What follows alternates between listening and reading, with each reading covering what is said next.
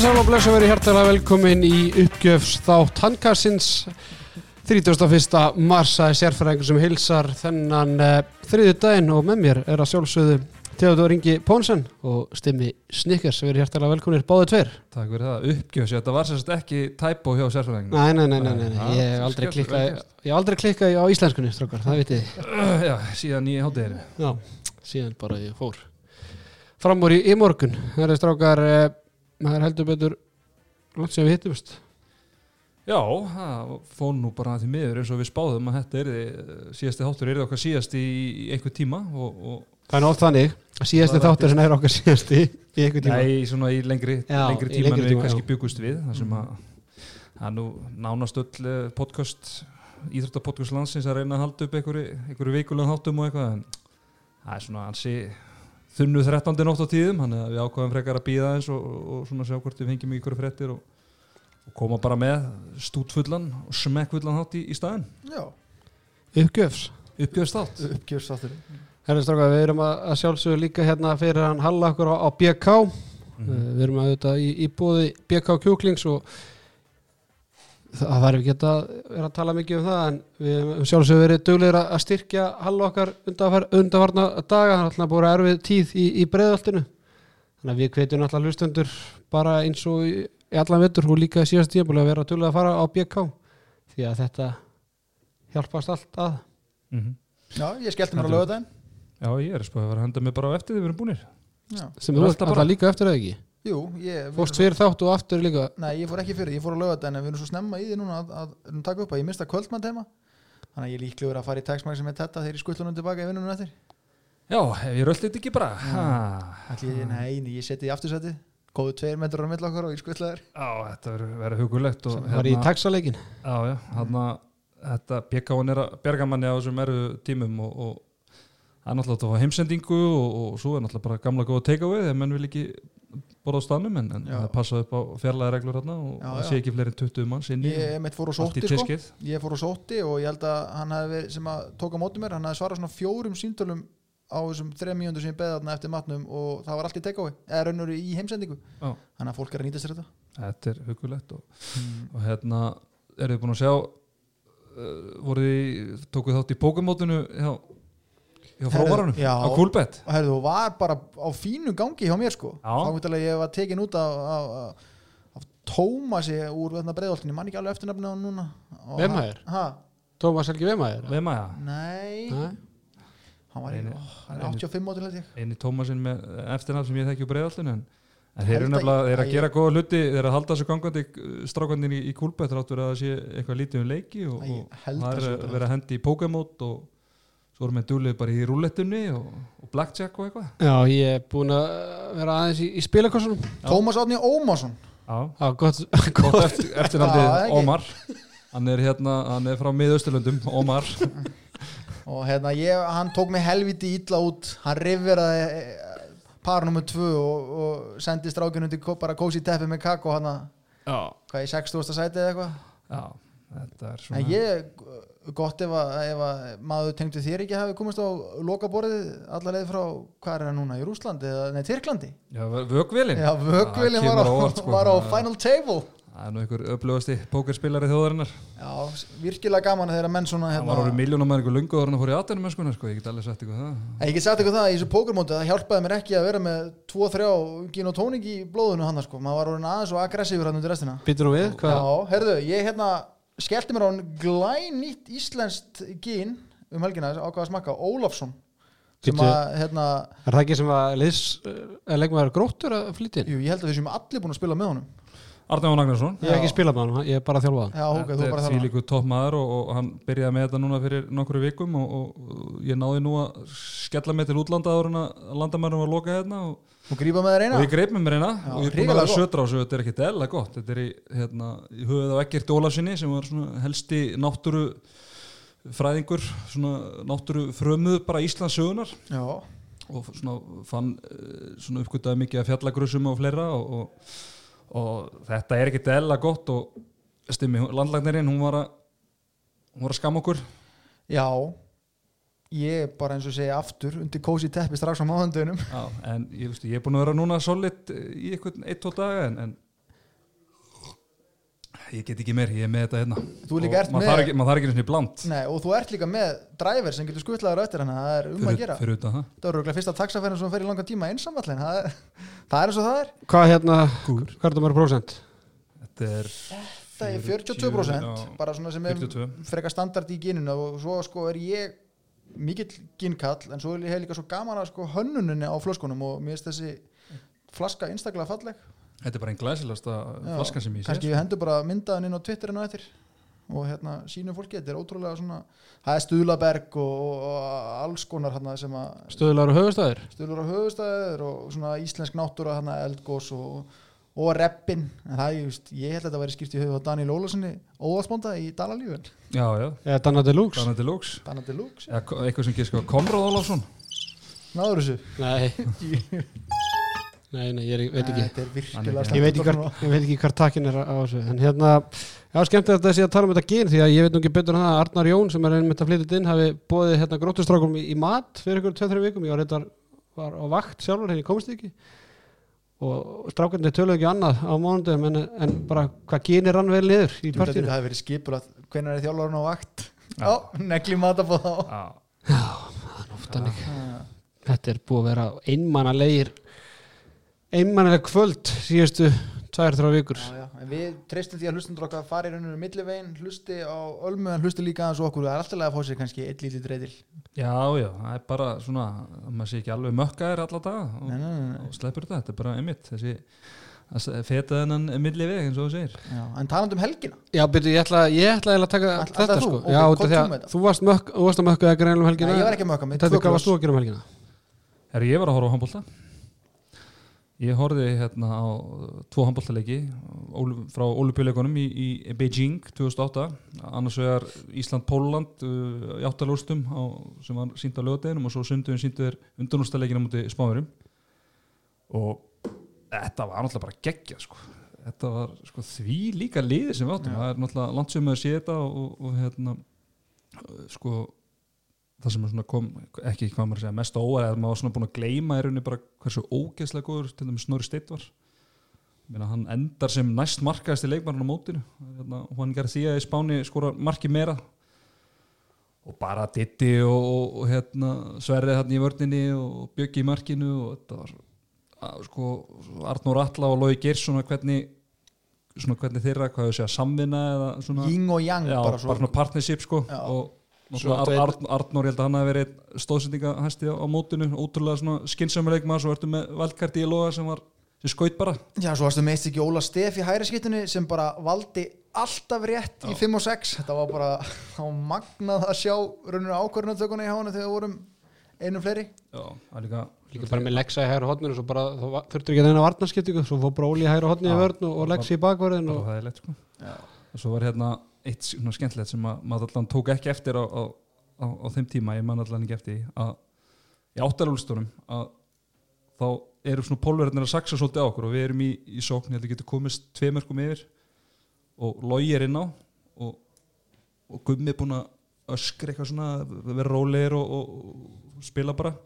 Logi fyrir ykkur árans reyni ykkur glórulusa hérna, línusöndingu og Óla Steff sem hann grípur ekki en við fáum fríkast síðan svona Óla hleypur svona í áttinu á bekknum öskrar eitthvað á gumma og þá heyrist bara í gumma Logi, kontu, kontu þá vildi ólíkarlega fá Arnór inn á svona aðeins skinsamari típu en svo kemur náttúrulega Logi í leiknum á móti spáni og, og raunir bara siglir honum heim skora hann einhver sex mörk í, setnáleik Ísland komast í hvað, 5-0 eða ekki svona það var samt eðlilegt sko að ég var samt á, þú veist, þó maður hefði vitað þetta maður er svo rugglaður að maður svona held ennþá tíðanbili eru að fara að klúður því að við komum alltaf, veist, við erum byrjun hrikalega vel já, en svo komum sliðin alltaf alveg í okkur. skoti, já, já. Og Dolly náttúrulega sko sinni einskerri snitt bara ég, þú veist, hann var búin að gera mig stressaðan aftur bara sko. Stimmið svona líklega til að fara hann á kúlbett á sunnundaginum og reyna að rýpa kata. Klárt. Það er gúrkutíð sko. Já, en þetta var þetta var alveg, þetta iljaði manni vel. Maður horfið á þetta alveg bara alla sekundundar í þessu og ég held ekki að það verið sterkur leikur þegar maður verið ekkert að sína úslutuleikin þetta voru svona sem að hérna. En ég var til að sjá fleiri leiki þarna í, eins og í reyðlinum við vorum nú ekkit voru nú að gera svolítið jættemlu þar. Já, Kóru mann ég og Dönum held ég. Var líka gaman að bara fá aftur Európa móti í Austuríki sína það, svona fyrst við byrjaði á þessu Þetta var- sérstaklega þegar þetta reyða var- lefi hérna fekk sér vatn. Úff. Muni, Hvernig var það? það var hann að fekk sér vassbrúsa og kastaði á völlin á móti Austuríki maður skemmt í því? Nei, ég er alveg stólu þegar margir margir er loka bara, hvað jöfnuð er ekki Já, eða? jöfnu, skoruðu þarna tvö mörg á bara innan mínútu eða eitthvað. Það var eitthvað ótrúlegt. Já, ég held að þetta sé eitt af svona eh, fáu jákvæða yfir öllu þessu sem er í gangi í þjóðfélaginu og í heim- heiminum að, að allir þessi leikir sem að vera að sína bæða stjórn og sport náttúrulega búin að vera að sína úslitarimur bæði handbólta, fótbolta, körf, körfunni og hérna þannig að þetta er svona maður finnur sér aldrei tíma til að horfa á þessa leiki.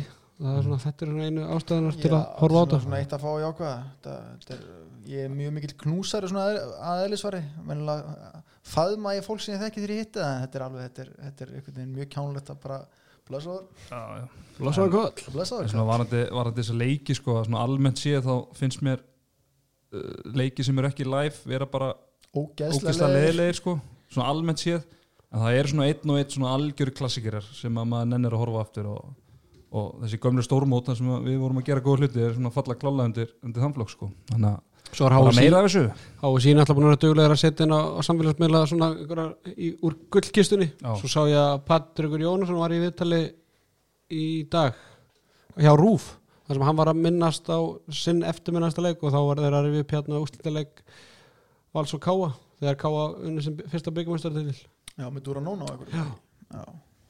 úrslitaleiku Káa Val, Vals þannig að hann var mitt að nefna í hann bíkarnum Já. hvað er það 95-6 eitthvað Já, ég manna það ekki, ég man bara að nefndi einmitt leik í, í þætturum okkar sem við tókum viðtalaðin í fyrra já, já, akkurat. Þannig að það er verið að gera alls konar til að hérna, maður hafi nokkuð að gera en, Mm. en ég held að það verður samt aldrei nóg Herru strákar uh, uh, uh, við ætlum að hérna, það er ímestlegt, við erum búin að tala núna í, í rúmlega 12 mínútur en það er bara eins og við höfum ekkert að gera og ætlum ekkert að tala þetta um en, en það er nú langt í frá að vera svoleiðis. Við erum hérna búin að vinna heldur mikla heimavinnu þegar við erum þennan þátt. Sérstaklega þú. Já, þú. Það er alveg nógu frítími. Já, ég meina, ég, ég, meina, ég, er bara ég er búin að, ég er að vera að þjálfa síðustu 8 ár öll kvöld bara frá 7 til 10 um minnstakosti þannig að er ekki bara ég, get, veist, ég er átta bara á mig að ég er með 10 putta og 10 tær sko. já, og ég sá að þú og frúin hendiði gott TikTok Já, já, kallin er farin að vera TikTok Já, og, já. það. ég hendi nú líki TikTok í ger Já, ég sá það, ég ákvað að vera ekkert að bróta niður sjálfstressi að þú varst með eitthvað skoðunarkunni ég ákvað bara að láta þetta slæta já, en ég er bara stoltur af þess að taka þátt og Já, já, um að gera hafa eitthvað að gera já. En hérna, við ætlum að uh, grína úrvarslið eins og við nefndum, þetta er uppgjöfstáttur og hérna við erum búin að gefast upp á ólistildinni og við ætlum að velja úrvarslið hérna ólistildar Karla besta þjálfara, við ætlum að velja á vombriðalið og uh, síðan erum við búin að setja saman svona lið sem er hvað stilt upp leikmannum yngre en 21 ás, 99 og yngri. Síðan ætlum við að velja besta leikmann úrlistildar efnilegasta bestu kaupin og, og hva, hvaða leikmaður hefur komið mest óvart. Síðan erum við með nokkra móla hérna, slúðumóla og hérna en, uh, og síðan ætlum við líka að ræða það bara hvað hási á að gera og við tókum ég, hérna, eins og strákunins tölum þá að, að ég hef nokkið haft mikið að gera síðustu daga og hérna ég setti fram svona óformulega skoðanakönnun í gær og uh, ég ætlum nú að ræða það eins og eftir því að mér svona mál mál líðandi stundar vera það ákvörðan íringa strákar og við rættum aðeins um því að nefna með Halla BK að að það er allt rauð gljó, Glóandi. glóandi. Já.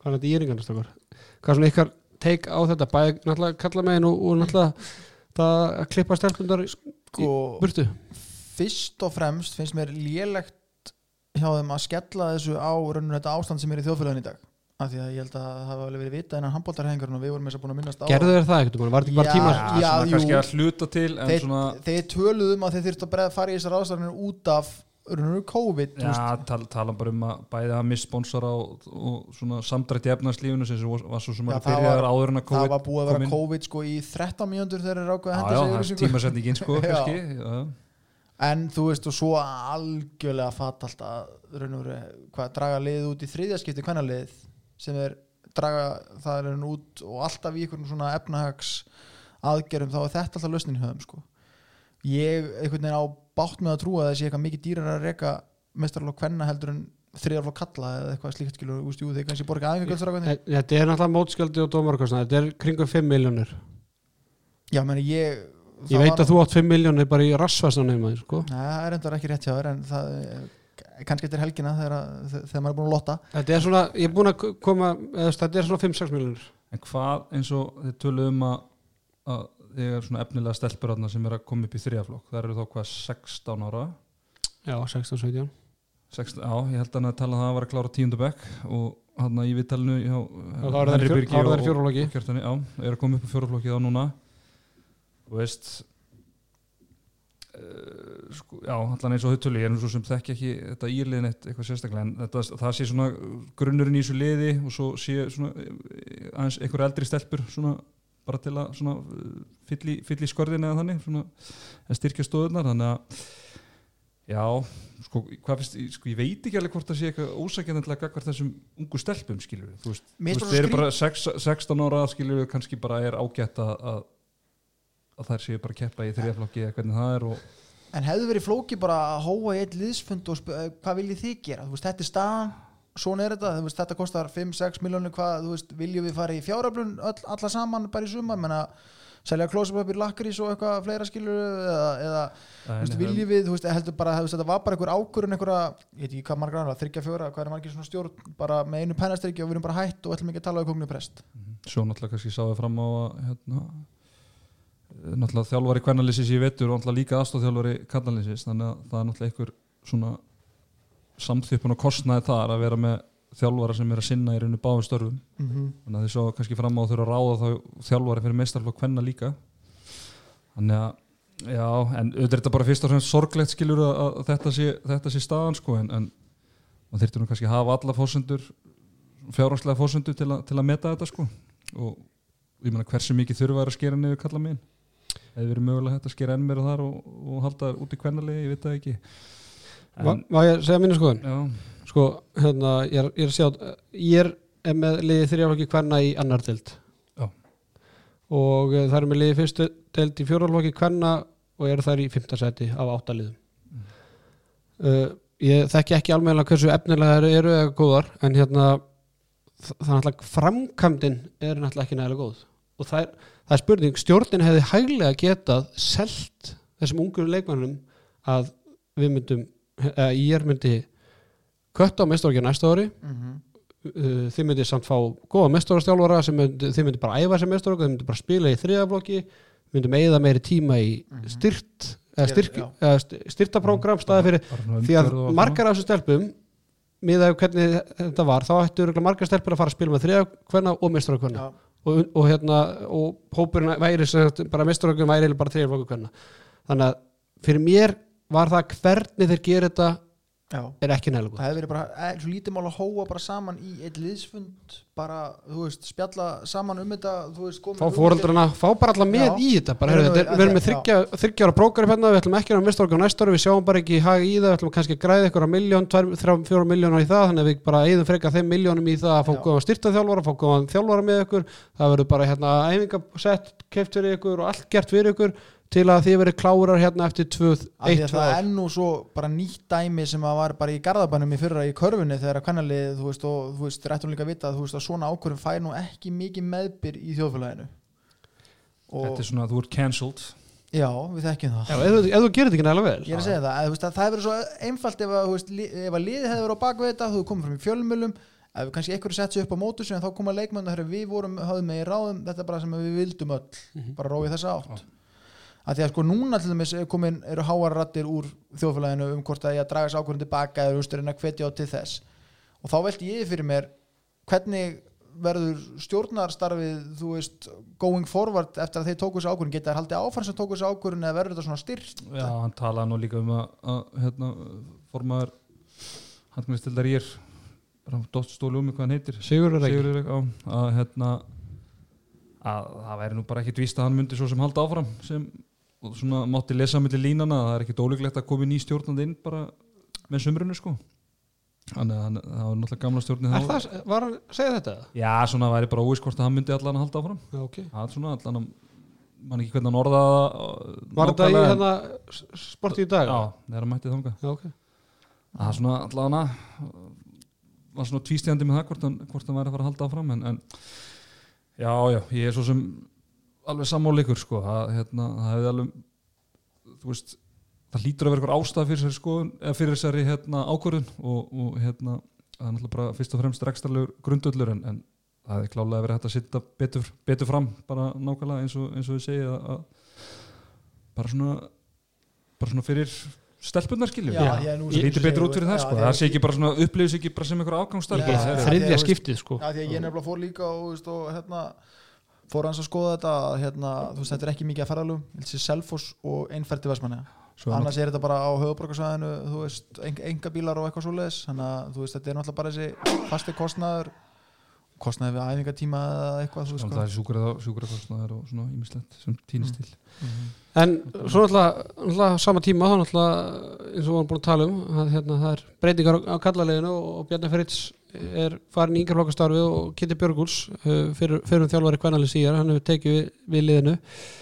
Og það eru heldur berdu breytingar og við kannski förum aðeins yfir það bara í, í slúðumálum í, í lók þáttar því að það er, er það fleiri breytingar með það sem maður heyrir á uh, út á götu. En hvað haldið þið, þú veist, að, að verði? Menna, nú er, er frambúin að bjóða fram krafta sinni í að spila eitthvað svona styrta legg, ég sá að stjarnan Það ætlaði vel að- gert við þeim. Já, og- og stjarnan tók raunur upp boltan með fram og, og bauðst til þess að skaffa fólki gæslu og tíma áraborð og, og hérna í sjoppu og eitthvað. Á ég að segja, segja ykkur eitt, eina kenningu. Jó, Ken, uh, sögur segja það eða gárungar vilja meina það ástæða fyrir því að fram ég veit ekki með stjórnuna hvort þessi hugsa en allavega fram ástæða fyrir að fram fyrir þetta og vill halda úti hvernalið í er er það að hætti í er einn deild, fram u burt valur u, burt, stjarnan u burt. Þannig að gárungarnir og þeir sem eru í hreyfingunni vilja meina það að fram er þarna að reyna að bjarga líka svolítið sinni stöðu. Því að það eru það, fram með, mikið af efnunum stelpum, fara taplusir í gegnum grillið er að reyna að endur semja og semja við yngri leikmannleysins sem endilega komast kannski ekki í leikmannhópi núna en vilja halda, vilja hafa stóra mestararshópi eða vilja vera, að þessi tilbúnar hérna eftir 1-2-3 ár. Þannig að það er strax komin kenning um það að, eða hver sem er kenning eða tilgáta. En það er eins og það aldrei fyrir en á tím ekki núna í hösteldur árið þar. Nei, en þetta við kannski förum yfir þetta á eftir að hérna, þetta geti hjálpa HSI með ákvörðun um það hvaða lið falla og hvaða lið fara ekki er að þeir gætu náttúrulega sagt bara, það eru 13 lið hérna, við förum bara beint í eina til þetta er svona sviðsmyndin. Nei, ég var, ég var að koma að En það er samt í, í, í reglugjör HFC Já, þá að- þetta- að- þetta- þá þyr- ef allt var já, þá myndi þetta ekki gerast fyrir 2021. Já. Svo manni ekki hvað kom en, með en svo er gárungarnir líka meina það að fram sé kannski ekki með, meðvitað um það að fjölnir og fylgir er líka saminast í hvenna þannig að það verður þetta- það voru 15 lið núna pluss U-lið í fyrstu tveim deildunum. Svo náttúrulega hættir í er að voru 14 lið og svo náttúrulega er fjölnir og fylgir að saminast þannig að þetta er ekki nema 13 lið á næsta ári Mhm. En man ekki hvaða, hvaða handbóltaspekingu kom með það í að því hvort það væri nú ekki skemmtilegt bara að- að að fram myndi myndi rauninu leggja upp og lána eitthvað að þessum stelpum sem eru Var það ekki sérfræðingur sjálfur? Varst það þú? Ég held ég, ég hef, hefði munað ef þetta verið þú Það er fleiri á þessari skoðun sem við höfum þetta að tala um að væri að því að það eru veist, þegar ulið er að rústa deildinni þá kannski séu eitthvað það að það er gífulega stert þannig að það væri gaman og jafnvel að sjá eitthvað af þessum frams ustelpum bara í ólýstildinni að því að hún, við ekki kannski komin að það líka lók þáttar, hún er nú að það gæti verið að fara að jafnast eitthvað út á næsta ári, svona það eru lið hérna í kringum kringum hérna fram á val sem eru að styrka sér gífulega já, við förum aðeins yfir það í slúðum mólunum eftir. Mólunum svo snikkið sem er búið að hamra í sig. Yes Hörðu að fara í þess að óformlegu könnun Já, hvernig ætlar að þetta er ekki smá dóðrandur á svörum sem það fegst, við verum auðvitað svona Já, ég er nú búin að stýtta þetta eitthvað. En hérna, rammið inn, Já. svo Píri Jóman myndi segja. Sem sagt, ég sendi á uh, ég fekk svör frá 15 einstaklingum innan handbóltarhefingarnar og, og hérna, ég ætla ekki að nafngarina svöru þeirra en ég fekk þau leifi, fekk leifi að, að nafngarina alltaf þá sem tóku þátt í þessu. Ok, bara svo að hlustendur áttis á því að þetta sé nú ekki bara frá Pétri á, á, Pétur og Pál. Pétur og Pál og sískinum en þeir leikmenn sem tóku þátt í þessu voru Arna Freyr Ársálsson leikmaður FH, Greta Þór Eithórsson leikmaður byggjumestar IBVF Björgun Holgersson leikmaður IR uh, Brynjólfur Snæð Brynjólfsson leikmaður Hauka uh, og Kári Kristján Kristjánsson uh, landslismar og, og leikmaður í BVF uh, Stefán Átnarsson þjálfari Káa tók þátt í þessu með mér Átni Stefán Guðjónsson þjálfari Kvennilegs Hauka uh, Örn Trastásson þjálfari Kvennilegs Selfoss var ekki aðstofþjálfari líka? Aðstofþjálfari Selfoss. Óskar Jón Guðmundsson, þjálfari Þróttar, Guðmundur Rúna Guðmundsson, þjálfari Fjölnis U og aðstofað þjálfari Fjölnis í Óristil Karla. Og Óskar Bjarni Óskarsson, þjálfari bæði, aðstofað þjálfari Vals Karla og Kvenna. Síðan fekk ég þá Ásker Gunnarsson, Guðvin Þáttarins, Þorkel Gunnar Sigurbjörnsson á Rúf, Ingur Örn Ágarsson og já, Tómas Þór Þórarsson. það eru mikið frítíma maður. Já, já, maður, þetta, þetta, er nú- þetta er bara, þetta er copy-paste. og þeir sem eru ennþá að hlusta nú erum við semst að, nú erum við semst að fara að fara út í hverju þessi menn svöru. Þetta er svo mikið, ef einhver er í drikk, svona name drop drikkjuleik sko, þá er- Já, það var, var ekki betra. það-. Ólafsson gynni það tilvali að það tæmast úr glasinu á mér hérna. Það er ekki betra en nafngrinna allavega, þannig að fólk átti svo á því.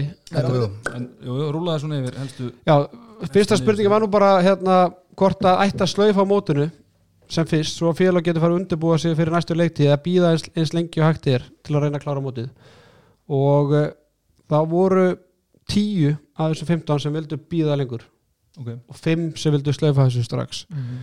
Uh, þau röks Hvernig með þú viss og segja okkar sko bara þegar þú ert búin að fara yfir þetta? Já, bara svona þetta er svona hálftíma þegar hann er búin að rúla í gangum þetta. Ég er svona alveg að fara bara að slökka á, á þessu sko. Nei, ég ángríns, þetta er svona trósti þín sko. Þú erum bara hvernig að ramma þetta inn. Heimavinna, heimavinna, heimavinna. Já, ok, og ég haldi áfram með Já. að já, haldu áfram Já. minn. Ekki lúta okkur sláðu út af læginu þið eru búin að því sko. Og ég haldi áfram með það já, já, ok. Haldu áfram Já, fimm af þessu, hérna, 15 vildu slaufa mótinu og hérna vildu meina það bara fjárhæður félana bara væri best fyrir fjára liðana og líka bara fyrir undirbúninga á næsta tíðanbili uh, Eitt bent að þau hvort það væri ekki skrítið að uh, köruboltinn hefði ekki klárað. En við ættum að klára og örgulega fleiri íþróttir, ég veit ekki alveg hvernig fleiri íþróttir hafa verið sendar einhverja Ég þekki ekki íshockey eða neitt Nei, þannig. ég hef ekki tekið eftir því. Uh, síðan uh, þeir sem vildu býða með þetta þeir eru svona, voru flestir á því að þeir vildu býða svona fram í miðjan apríl svona og hérna hvað, þau hérna Alma Mölle frænka inn og, og Þórólur hérna ég held að sé alveg 100% sem Þetta maður sem að Já, já, ég sé að maður sem elskar að breyta einni efru í tvær, ég skal alveg gefa ykkur það að þið, það gerist ekkert fyrir fyrsta lagi meðan mæ, sko. Æ, Ég meina sko í besta falli þá voru að fara að lo- losna úr þessu samgöngubanni samkomubanni get, sorry, samkom, eh, þarna- já, samkomubanni í 30. apríl. Og þá er fyrstum með, bara í besta falli. Mm þá þurfa liðin að fá eitthvað að viku tíu daga eða eitthvað þeir eru að fara að vera inni áfram í mánuðu viðbútt já það er, ég, og bara, bara, bara, þú veist, það er það- 100%. það- ég bara ég skal veðja þessari hérna, flösku hérna, það sem er eftir af henni. Það er nú ekki mikið. Og þá er inni þurfa liðin kannski viku tíu daga. Þannig að við erum að horfa á að þetta getur byrjað sko bara besta falli 10. til 15. mæ Mhm. best case scenario slöfu þessu bara Já, ég skal bara segja það hvernig ég er að horfa á þetta. Ég er búin að setja mig í svona andlet mindset. Fyrst í júni er ég svona að fara að geta kannski lifa eðlulegu lífi. Ef það dregst yfir fyrsta júni þá gætu við farið að sjá mig leita meira í Ólafssonginni. Því þú veist, ég, veist, ég býst bara við tvei mánuðum heimavinnandi áfram, þú veist, í svona litlum kontaktu annað fólk og, og, og hérna, þú veist, hvað voru tværum fyrir eftir? en, en, en skiljiði samt, þú veist, skiljiði hási að vera ekki að slaufa þessu núna heldur að slaufa Já, þessu þegar að en það er, það er stjórnafundur í HSI á morgun Já. Já. þá þetta verður rætt og það verður eitthvað tilkynnt eftir það Já. og hvað, það verður kannski ekki tekin ákvörðun á morgun Nei. en það verður ákveðin eitthvað tímalína eftir, þ- ef það er ekki búið skýrast eða það verður tekin ákvörðun á þessum tímapunkti eða eitthvað, eitthvað er er mikið æfa þurfa að vera eitthvað heima hjá sér að reyna að halda sér í standi upp á eitthvað, eitthvað mót sem að hefst hugsanlega kannski 10-15. mæ ég held að þú myndir spyrja leikmenn að það er bara langflestir sem að myndu og ég, það er bara þá, þeir leikmenn sem ég lera allavega vilja bara slaufa þessu þannig að það sé bara þetta fara eða bara orkunni og, og, og, En var ekki og hugunum í eitthvað annað sko. Var ekki ykkur gróa á leiti að plani væri að, að kannski bara klára deildina þú veist, veru, þú veist og, og ljúka það myndir náttúrulega einfalda, einfalda jú, ég, ég veit það að HSI vill það bara, bara, upp, á, á þurfi ekki að taka svona óþægilegar og, og já, ákvarðinu eins og karvan af því að það er bara þannig að eins og við sáum með körfuna þó að mínum að þið hafa verið svolítið að flýta sér hvernig þeir útfæra það allt að í svona í svona situation þá er alltaf einhverju sem eru einhver ánæðir og einhverju sem eru ósáttir. Þeir sem eru ánæðir láta ekki í sér heyra þessu ánæðir en þeir sem eru reyðir og brjálæðir þeir láta í sér heyra skilur. þannig að, það væri að sem auðvitað væri svona, það sem að þarf að taka eitthvað svona eh, beita ykkur domgreind sko, þetta væri best að hafa það sem minnst. En- Já og sko ef við horfum á leikinu sem er eftir eru veist, þeir eru heppin með það að það eru tvölið fallin tölfræðilega, það er bara, það er klárt.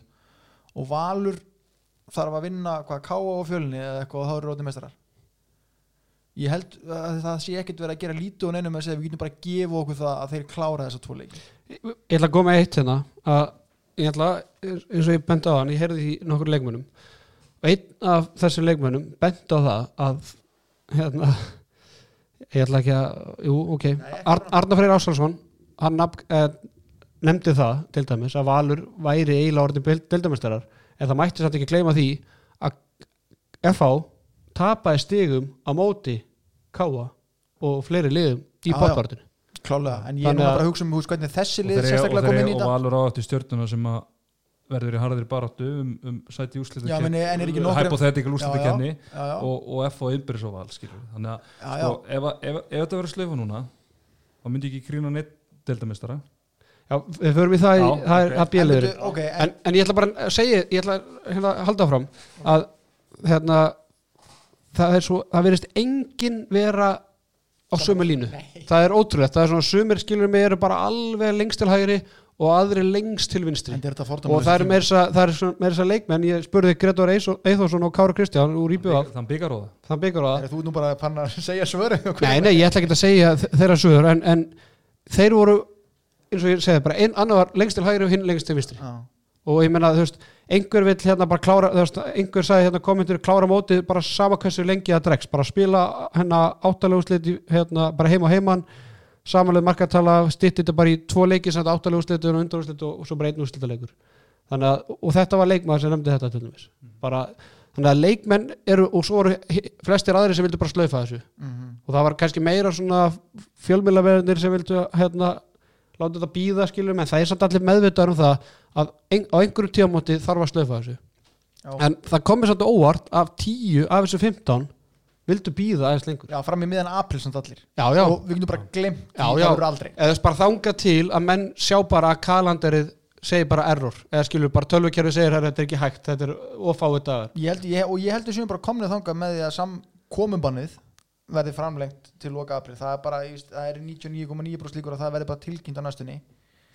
Enda þú veist, virðist vera að við séum að ná árangur í þessu ekki þetta að fara að ná nú út í eitthvað svona blamanafund en það, en það tekur samt tíma að vinda ofan að þessu og bara ná þessu vonandi í bara samt horf. En svo sé til þess að formar Hagnarstildur Hauka sett inn fréttatilkynningu í dag þar sem að hann bara setur mikla press á það að þessu verður bara að slöfa sem fyrst.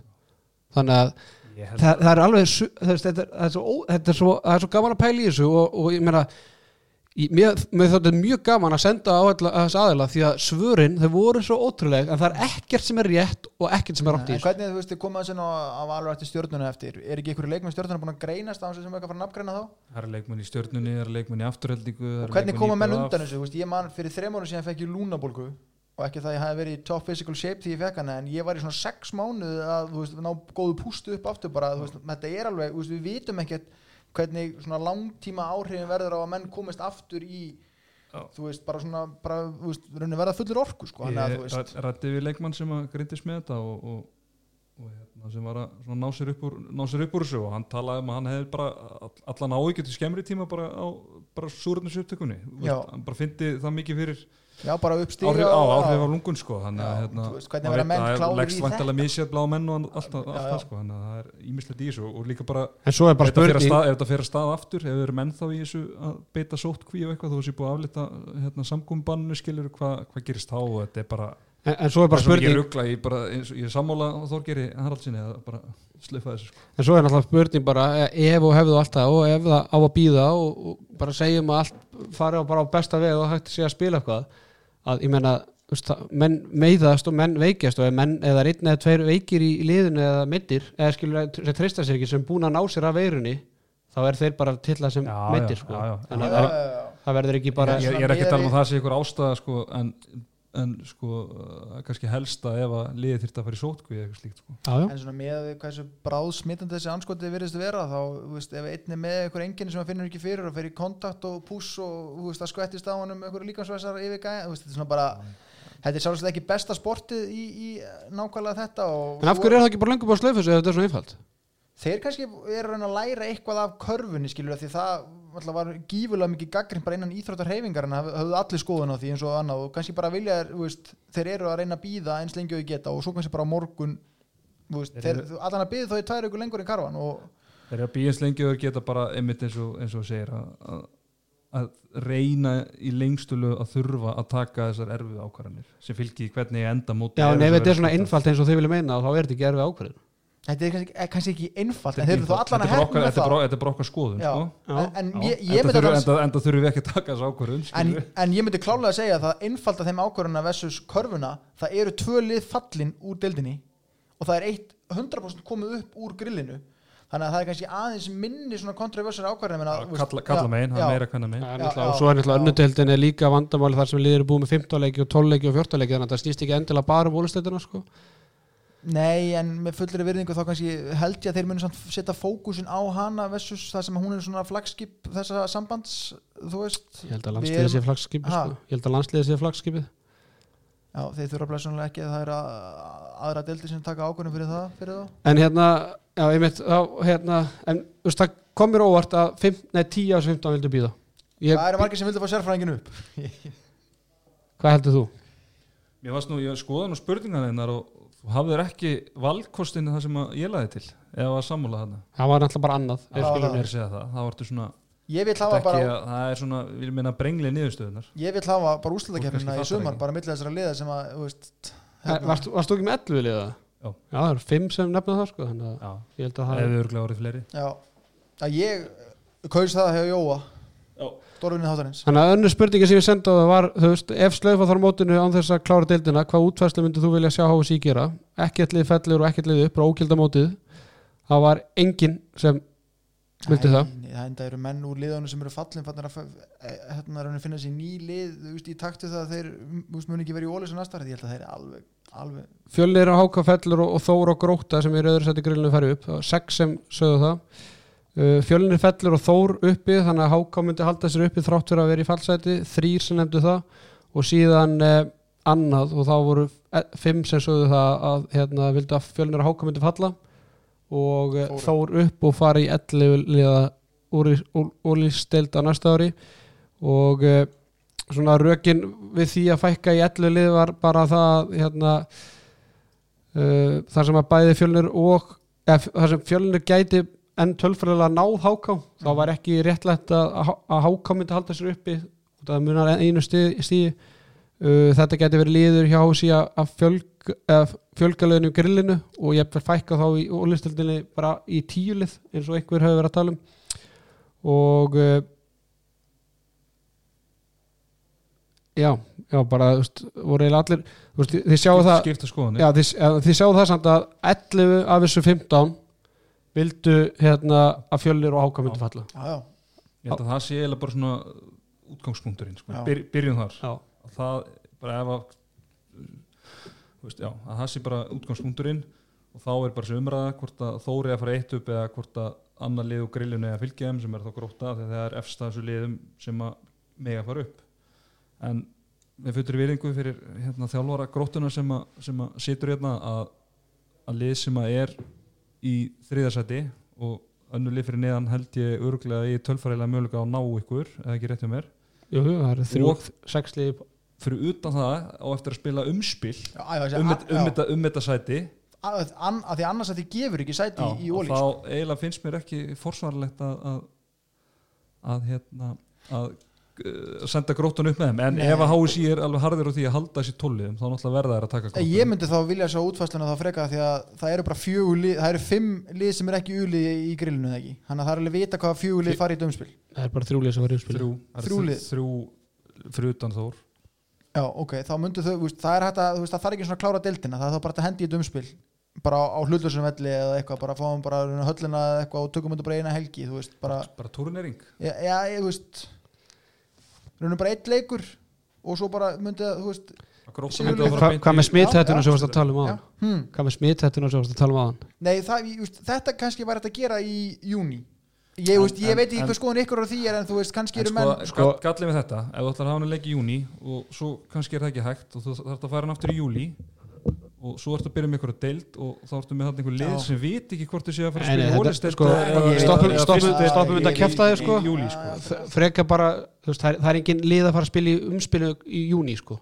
Það er engin greiði gerður það er alveg veist, sammála því. þó þú farir upp eða farir ekki upp sko, þú ert bara farin að undirbúa næsta tíðanbíl hvernig ætlar að semja við leikmenn veist, allir leikmenn er bara að renna út af samningi bara hvað 30. þá er ég bara maí. hrifnastur af þessari 11 liða útfærslu og ólís og við menna grilli verður bara vonandi sterkara á ári en hvernig við ætlum að útfæra aðra deildina ég veit ekki hvort að sé að henda þar upp einhverjum tveim, þreim liðum og hafa bara grilli ennþá stærra þú veist, og það falli þá bara fjúr eða fimm eins og svo hugmynd sem hefur komið upp í ennskaboltanum verði. Mér finnst þetta sangjandasta leiðin af því að þannig ertu bara að taka lið sem að eru tölfræðilega búin að afsöð, eða svona Já. vinna sér eitthvað inn eða, eða, eða, eða tapa sæti sínu.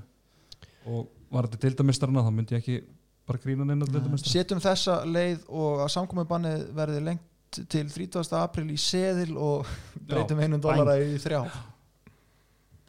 Já, Rætti mitt við Róbert Geir á hann og, hann að þetta veri mín skoðun en, en heldur að veist, en ottatölu deildir. Það er Já. ógeðslega ósexy en þetta er eitt tímabil þú veist Við þurfum bara að rétta og- og það er, það er allir þessi valmöguleikar hafa galla og gallið við þessa leiði klálega að sá að, að það er alltaf eitt lið sem situr hjá í hverjum umferð en, en mér finnst það svona minnst í skæðin Mhm. En þarna væri það að breyta reglunum. Að ég meina það þarf ekki að gera það Sama eiginlega og KKI var Já, en að, en ég meina er ekki alveg saman hvaða leið þú velur var ekki eina leiðin þar sem var ekki breyta reglunum var bara að cancela tímabilin Nei, bara tvölið upp og tvö niður já en sko þá þarf þetta að fara að breyta reglunum hvernig liði í fyrstu deildinni er Kemst- upp, sko. Já. Já, en það er ofta, þú veist, ef, ef lið fyrir upp í, í fótbolta og veist, það hætti síðan eða fyrir á hausinu eða eitthvað Það er bara, Mm. bara sjálfgefandi fer þá næsta lið upp Já. Ég sko, þú veist, eins og er ef það sko ef þeir, þú veist, mér er þetta bara útgangspunkturinn þessu er, það er bara klárt að háka og fjölnir annarkvort þeirra heldur ekki sæti sinni í deildinni, það væri alveg grillað á kostna hinsliðsins, þú veist, að því að það hefðu fjölnir sett meira í, í rauninu loka leikin eða við vita að við erum frá hann háka þá er sér, þú veist, þetta er- þú veist, þannig að þú veist, þá bara ef að það er þannig og þið vilja hafa 12 þá bara hlýtur gróttan að fara upp. Hvort eru tilbúin sko- í það verður svo bara að koma í ljós. Ég er náttúrulega, er ekkert spes fyrir, fyrir mig að ræða þetta. En hérna, ég er nú að reyna að vera bara eins hérna, Hlutlaus. og bara að gaggrina og spyrja spurninga og svona. En just, ég myndi frekar láta háka alltaf þessar uppi en að spila 11 liða deild. Því að, jújú, jú, það er vond ákvörðin í einhver moment hvort að það verður háka að fara uppi sem ég er ekki sammála og, og eða, eða gróta eða hvað sem er eða bara, skilur mig, þetta er vond ákvörðin í eina viku, tvær eða þrjár svo bara eru við liðfarin undirbúið fyrir næsta mót. En ætlum við bara að eigðilegja í gerðsalöfu næsta heilt tímabil með því að hafa 11 lið? Erum við eitthvað eiðilegja það tímabil? Já, þú getur, eitt- þú getur eitt ímyndar það við- og það er nú oft talað um einhverja pásur. Ég meina fyrir, fyrir Final Four þá kom tveggja vegna pása fyrir Final Four og síðan kom næsta umferð. Liðið sem er, er sko, situr hjá í þeirri umferð er bara að fara í einhverja mánaða pásu. Já, við erum nú rætt að svo pása kannski var full löng. Já, ég er að segja það. En ég Já, meina að það koma fullt af það- pásum það koma það- oft einhverja og pásur þessi fallega íþrótt okkar sem við allir eh, dýrkum og dáum við erum oft, oft undir högg að sækja með ég, ég held að með- við sem er eigðilegja heilt tímabil með því að fara í 11 liða Já, leið mér aðeins að klára þetta. ekki sammálið að við sem Nei, eiðilegja nei, heilt tímabil. Við og sko- þurfum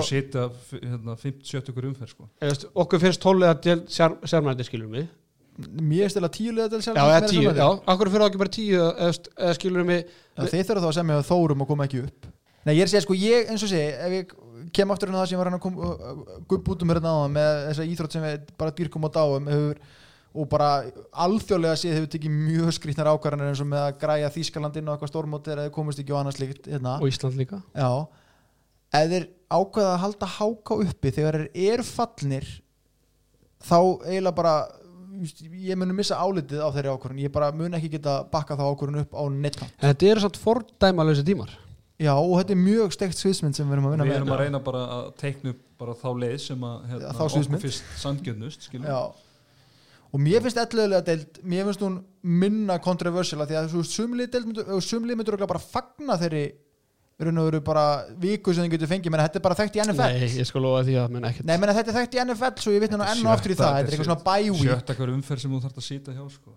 skiptir engum máli, maður getur dottið að fyrir um jólin liðið sem er heppið sem að fæ þjóðatíðarleikin eða vart eins og ég hérna, veist, þetta er mér ég er ekki vandamáli við þetta.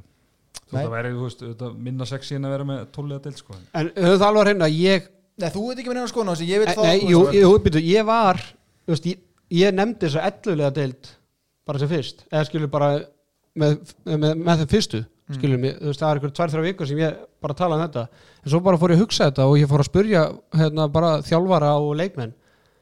Það var enginn af þeim sem fannst þetta bara sexy. Sem hvað- þú spurðir, en- já, á en þessu. það eru svona Já, allir ég tala með undan áður að Já, gera þess að hvernig gæri en sko. það eru svona allir alveg á því sem þú spyrir að háka verður að falla. Þannig að þá verður eitthvað lið að koma upp úr grillinu því þú veist, það er, er allir sammála um það að háka og ég ekki að halda þessu uppela voru þrýr eða ekki Jú, þrýr af, af þessum 15 sem að en það er bara gali ég er að þú bara drægir falli lið upp um deild það er aftur. gækart fjölni það er ósakært gækart liðunum í, í, í, í grillinu sem hefur mögulega og meira þess að líkuðu líkuðu gagvart háka sem er búin að missa kannski komin á það þetta blæ til afturrætinga skilur. Hefði hann kannski verið eitt tímabili viðbúti í háka eða hann hefði vitað að þeir myndu vera áfram uppi? Potjett En svo er bara spurning sko þessi ákvörðin alltaf ef við erum að fara að hugsa um hag félagana og svona, þá verður þessi ákvörðin alltaf að fara bara sem- fyrst í gang því að það háká eða gróta eða þróttur í vikingu græða ekkert á því að þessi ákvörðin er tekin eftir einn og hálfa mánuð ef við erum að hugsa um einhvern hag fjö- sko, því að glugginn er, eh, sko leikmannamarkan er ekki það stór. Já, hann er að vera búinn Hann er eiginlega að vera búinn, sko. Ég, ég, held að það veri ákveðið á þessum Fundi á morgun að staðan verið tekin aftur um miða mánuði þegar það verið komið í ljóskort að þetta uh, samkomu bann verið framlengt og ef það verið framlengt á þeim tímpunktu þá held ég er slefið þessu En hvað haldi, nú er þið búin að segja eitthvað sko en ætlu, hvað haldið að vera gert? Haldið að HSI fari þetta, þetta að- snýst líka um sko bara deildina og sjónvarsréttin og ég held að sérfræðingur sé að fara að spila með grótuna í ólistildinu ég held að líka ég held að sé líklegast að niðurstaðan Já. þó að ég myndi samt telja frá mér persónulega sem myndi ég kjósa með 11 liðadil Það er bara að segja sem við, bara sem við höldum að gerist. Já, og ég held skipta engum máli með sjónvarsættinu sína bara 2-3 leiki í umferð veist, það breytir engum máli, þeir sína aldrei alla leiki alltaf að það er ekki en, finnst ykkur það réttlátara en að HK haldið sér uppi? Já, mér finnst það bara, það er bara ekki til umræði hjá mér að háka að halda sér uppi. Mér ég finnst það- það- það lausn. Þú veist, og, em, og ef maður á að fjalla með svo deild að ári, veist, og þá myndi ég horfa háka og hugsa bara, þið er ekki sem skilja að vera hérna. þið fengu eitthvað sensi fyrra og þið fjall ég myndi Það- skilja ef það hefði komið umferð á undan og háka var ekki fallið Mér finnst- Já, mér já, finnst- mér finnst- mér finnst næst Það besti- náttúrulega mér finnst væri bara næst besti- lang- mér finnst langbest. næst besti kosturinn að að gróta fari bara upp og það verið næst Alltaf munurinn er á HSI núna á KK ég er náttúrulega að Þór var tölfræðilega ekki fallið. Og þó að svo hérna ákvörðin hafi verið virkilega gag, eða, st- gaggrínd mm þá getur eiginlega ekki HSI farið sömu leið og te- tekið leið sem er bókstælu fallið. Þannig að ég, er, veist, er svona, ég veit ekki hvort það hjálpi HSI eða ekki að HK sé allavega tölfræðilega fallið en, en ég er svona, eins og ég sagði hann ég nefndi þess að ellulega hugmynd fyrst en svona, svo er ég líka svolítið ekki að tala bara hvað maður heldur að verði tekið sko, að ég, ég, öfundaði ekki að að þess Að að að- að rauninu þurfa að taka þess ákvörðun en það er svona kannski ekki að falla sér baka það. Ég held að Köruboltan sé ennþá að taka hitan af þessum ákvörðunum. Já, það er spurning hvort er það er best að taka þetta bara strax meðan hinn hitin í gangi eða hvort þau vilja taka þátt í hitanum já, sneika þessu bara svona undir teppi en allavega þe- þeir sem að En þeir sem nefndu að, hérna, að þeir vildi fækka þessi í allu lið, það væri svona að þetta væri hérna, liður því að fækka því að það voru tveir af þessum sem vildi bara fækka í, í tíu lið. Og þetta væri þá liður því og þá næsta ári þá myndi falla hérna, eitt lið myndi falla. Og eitt í umspil. Eitt í umspil, já. Mm uh, hérna, alltaf voru fimm sem að vildi að, bara tvö lið myndi fara upp og tvö upp tvö upp og tvö niður og uh, það var eitt hérna finnst svona ákvarðin vera pínu, pingu bull bara eins og við sem að, við erum búin að tala. En háká fjölnir eru fallir og þór komið upp og gróta er efst í hinum þannig að einu því end myndi ákveða þannig. Svo sem búið að þið voru að tala um að HSI myndi líklega þurfa að gera. Þetta er held í samkvæmdar reglunum eða lögunum er þannig bara þá þannig að er ekki neitt í reglunum að þetta gerist að COVID Það komið ekki búið- bara það er ekki búið að klára þú veist eins og þegar Víkingu tók svo þetta í K.R. eitt um árið Já. var alltaf búið að klára eitthvað umspil og þá var þetta að fara bara K.R. á búin að vinna sér í réttin til að fara upp já. en þar sem að þeir afþökuðu sæti sitt þá var það eitthvað sem var búin að það var alltaf búið að klára móti sko. En- hvernig eru innbyrðisviðregluna við, við þrótt hjá í, við erum búið með eitt leik um getur þetta verið bara að við bara munum hérna, bara setja þessu umferð í simulator? Bara Já. taka bara líkindareikning og bara þú veist, keira, með þú sé að þú átt stjórnuna U hérna í leika eftir sem er gefist tvö stig með við gengi stjórnuna U og tala um að bara hópurinn er með COVID en svona leikur sér sko. Já, við getum alveg farið ef að hefði Já, ég er að segja það, þetta er bara Persónulega finnst mér raunast í kostur að vera að sá að tvö lið sem eru fallin og ólís farið niður og tvö efstu liðin í grill farið upp. Ef menn ætla til dæmis að fara með eitt lið niður og eitt lið upp þá lenda fjölinsmenn í þeirri stöðu að aðeins eitt stígar á milli fjölins og háka og tværu fyrir eftir þá verður að vera að flækja málum verulega er og sammálu þetta er svar frá sem sagt, þetta er ekki Arnanda að segja sem Nei, sko, ég er að lesa hérna, svo eins og reglurnar eru, tvö lið falla og tvö lið fara upp segir íttina þjálfari gróttu segir að en svo, svo náttúrulega hérna er, er nokkur sem að benda á að náttúrulega að þeir vilja að séu sömu reglur gildandi fyrir bæði kalla og kvennalið eða kvennaldeildinar og hann er eitt sem segir ég er, ég hlindur því að fækka liðið með deildinni helst niður í tíu en ég tel að þetta sé ekki tímabúndur til þess en það þarf það eflaust að fara í gegnum ástingið því held ég að sangjarnast væri að við fellum þau lið sem er nú þegar er fallin háka og fjölni kalla með afturleiku kvennamegin og uppfæri þau lið sem er efst í grillinu Þóra Gróta og F á kvennamegin. Má ég koma spurningu til þín sem þjálfara gróttu? Nei, helst ekki. Jú, má ég spyrja það samt. Værir þú klár í það? Segjum svo bara þessu samkomi banni verið aflétt fyrsta mæ og til þess að klára þetta ég veit ekki hvernig tíðanbili ykkar hefði átt að klárast venjulega. Sí, síðast óttaleikur var fyrsta mæ ok, 15. mæ eða helgin hann er miðan mæ verður bara, först, bara spila á 50 og lögati bara vikingur þróttur spila á 50 í höllinni eða eitthvað, mæntalega ekki höllina sem þróttur er að spila þar eða, eða ekki. Mm -hmm.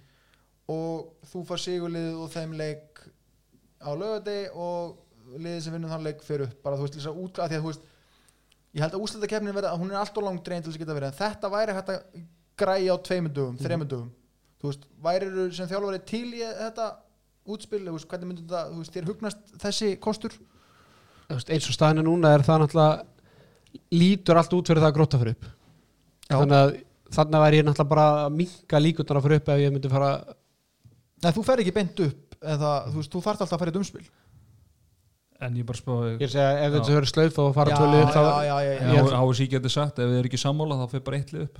Þá náttúrulega vandalega myndi þá taka já, þetta. HSI má ekki gefa liðunum eða tækja fara að hafa skoðum Nei, það er nei, að taka en, er- ég meina, já, mér, en sko ef hérna banninu verður aflétt fyrir að síður og það gefst tími til að spila Mhm. og svo lengi sem að HSI er ekki búið að slaufa mótinu þá munið þeir spila umspilið, það er alveg klár og er það það- er ástæðan fyrir að þeir vilja ekki slaufa þessu móti strax er að þeir vilja klára þetta En þá munum við sennilega þurfa að býja til 30. april með að taka ákvörðun já, já, og þá því að bara þið, þið, eða kannski 20. þá sjáðu fyrir hvort þið munum framleika samkommubannið Já, eða ekki það sko. það verður náttúrulega ára nú 12. apríl að Já, það verður framlengt. En það sem- það sem- bara til, að, bara til að hlustendur áttir sig aðeins á stöðunni bara leikmannamarkaðurinn og þjálfar og svona að ef staðan væri eðlilega núna þá væri Ólisteg Karla hef, henni hefði lokið síðust helgi og Grilli hefði lokið síðust helgi líka núna var umspil að vera í gang og úrslitakefni að vera í gang Jújú, jú, leikmannamarkaðurinn það eru einhverju leikmenn búin að semja.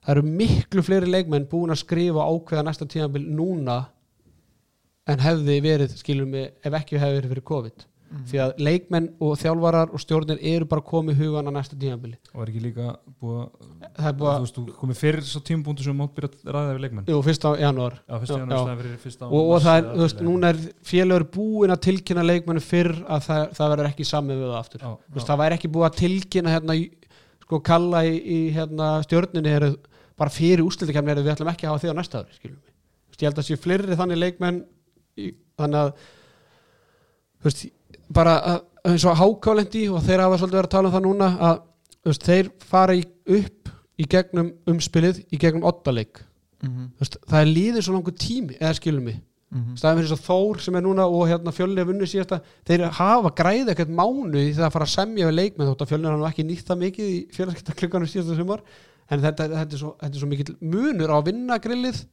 mjög steikt pæling alltaf veltinni fyrir mér. Þetta þessi einhver vingill á því að þeir munu fækki í ólisteldinni og reyna einhvern veginn að semja við Þórsara eitthvað um eitthvað mér finnst það, líklegar en að fara í veist að þeir munu gefa Þór eitthvað styrk þú veist, til að vinna með sér í þetta skipti á þessum fordæmalösu tímum þú veist, kannski Þeir þurfa- Þór, þeir- Þór þeir- fyrir ekki hver, hver ætlar að láta Þór fá styrk Nei, ég er þannig með að HSI myndi Já, þú veist, aðstóð en- ég, er bara, ég er bara að velta þú Inn í hérna að Og- en inn í end það er ekki þá náttúrulega sko inn- ekki. í end þá náttúrulega tekur bara hási ákvörðuna þannig að ef hási vil bara fæ- fækki tíu og segja bara "Heyrðu, þetta er ástæðan þá er þór, þau þurfa ekkert að styrkja þóri Nei, að gefa gínflösku Ólafsson eða eitthvað sko þeir náttúrulega bara taka er sturt að nóa þeim þá bara Nei, nei, þú veist, þá er eðlilegast ef við ætla ekki 11 að- að að gróttan fara upp en já, við erum að tala um þetta í svona 25 Já, en það þyrfti að vera eitthvað að tala um sem þetta í Þór- 45 einhver ákvörð sem að Þór þyrfti þá bara að vera algjörlega sáttu við sko. það Mm. er eini annan finnst mér gali meina alveg svo bara er þeir, það, ekki, það var ekki tölfræðilega komin upp þar. Nei, Þeir eru komnir upp og mér, það er mér, mér, sko, eins og þú ert að leggja það upp að það er bara sagt, þeir tölu falla Að það það finnst mér, það finnst mér versta sviðsmynd af öllum, það finnst mér skára bara tímbil já. og lefa þá bara Þór og, og fjölna vera uppi. Mér finnst, mér það réttlætarilega heldur en að bara banna Þór að fara upp. Bara segja bara að fækka í deildinni. Já, það þarf það að er eftir þá- ástingi þá þá er þá fækkun bara 2000 þetta eru fordómlæsi tímar Já, þetta, er, þetta finnst mér, það eru svona 7-8 bitur en Já, þessi. ég, Þetta er 11 versta- lið þetta er versta- er- versta já, hugmyndin. 11 ekki bendið svo mjög sko, það stimmið sem var ég var bara- komið pæl Ég er að sagði undir þessu. Ég af vil því fá gegn forsvaranum. að, að Þór eru þá sátti með ákvörðun og myndi bara stiðja hana ef að það er ekki þannig, þá finnst mér þetta Já, bara þetta var- það var- en höfum það alveg að hreinu að það er ekkit félag samankvæmst því þóri að þróttur að vikingur eða gróta eða eitthvað sem myndi bara vera sátti með þá hérna, þau, myndi aldrei viðkenna Þú það veist ekki nema að spurja En ég ve- veit hvað sem Ég, ég, Þú veist, nokkuð, ég er ef- skilur ef bara eitthvað erfiður rekstur eða eitthvað bara, heyrðu, eitthvað þannig. En finnst það, þú- það var bara það sem ég var að velta fyrir mér ef myndu spurja, þú veist, ef þetta er niðurstaðan hvernig myndi það fara í ykkur, þá við hérna, þarftu líka að spyrja við- næsta lið líka. ef, ef að þetta gerist þá, þá þarftu líka að spyrja næsta lið skilur með hvort þau sjána með þessa. Já, já, ég, þetta er ég, bara ég, hætt, ég hættur að fylgja sem úrstildin að þetta verður niðurstaðan sko. já, ég eins og sé, 11 lið eða þá ef við ætlum að halda, halda okkur í 12 þá verður bara gróttan að fara upp. Ég verða að segja eitt inn í lokin varandi þessa óformlegu skoðun að þetta voru leikmenn, blaðamenn og hérna Þjálfar? þjálfarar, þjálfaringarblokka eða hvað annað. Það var einn sem vissi ekki hvort eða hvaða liði væri fallin á deildinni. Þú segir okkur það fyrir að eftir. Mér varst það mjög gott. Já.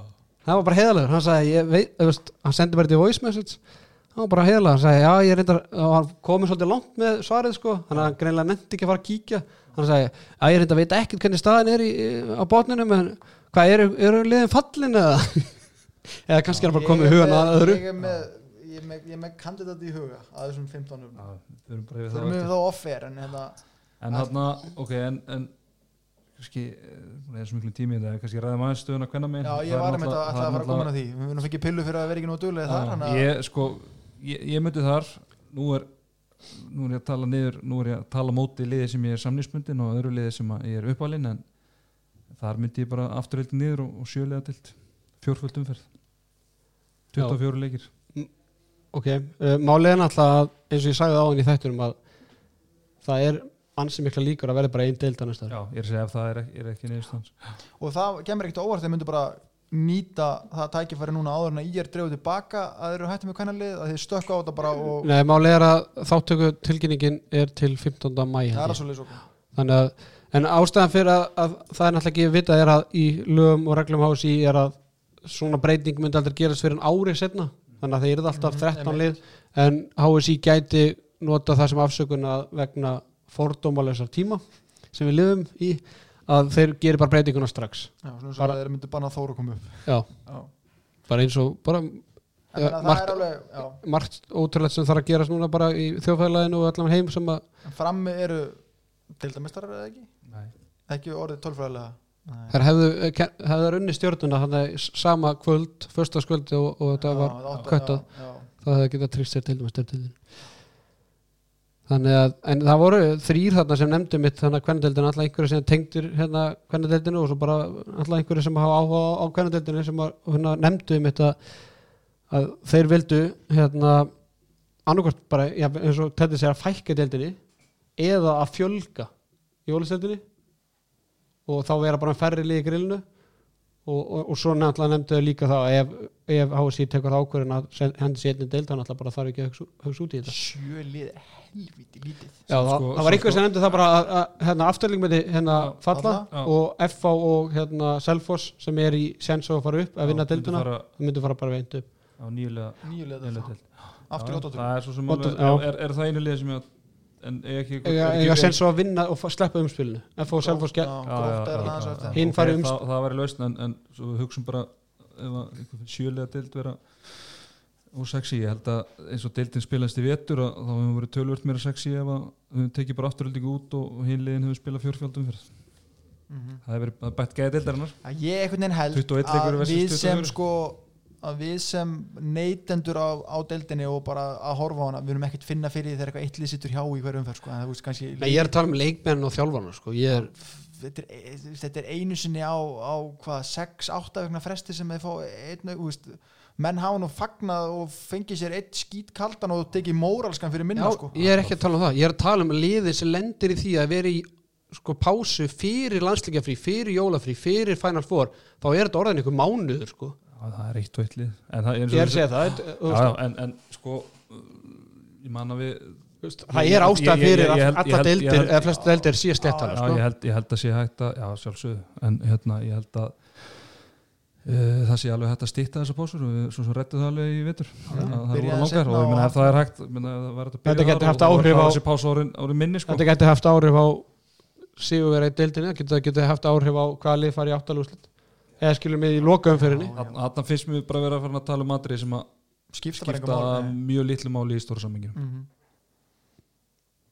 Hva, hvað er Í- stóra samingi? bara í öllu þessu að scenaríu sem við erum að teikna að, að, að, að menn séu að kvarti við því að séu löng að þetta, bara, veist, þetta ár gerðist. Nei, ég er að segja að þetta geti haft áhrif í síðustu umferðin það er kannski einn það tvær umferð það eftir. þetta- gæti líka ekki gert það.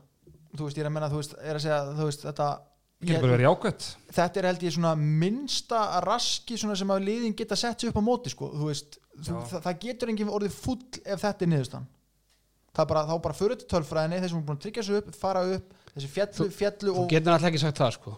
Akkur ekki?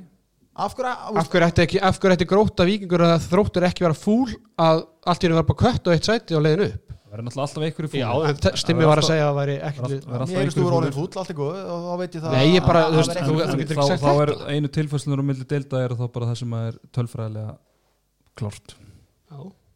Nei, ég meina bara ég var að tala um. Nei, ég meina bara að tala um, þú veist, ef að bara tekja einhver ákvörðun um sérstaklega, þú veist, þróttar eru ennþá fúlari að því að ef að þú eru sendur upp og að þitt lið gróta, En þá var þá sagt bara að þeir eru fyrir ofan ykkur í deildir já, já en ekki bara herðu við allir bara kött og eitt þá, þá getur við hvart að já, bara leikjaprógrammi ræðast betur upp og þeir fengur fleiri ulið undan okkur, þú veist, það er að þú getur fundið alltaf eitthvað Ég á sannkæsleika tv- ég á tvö lið- Já, tvö ég er að tala um það er að finna Allt í það er sjámundi Herru, við að fara að velja ykkur úrvarslið og eitthvað. Já, stemmið þú ert með úrvarsli í Ólistil Kvenna. Þú ætlar að fara það núna eða Nei, ekki? ég var ekki búin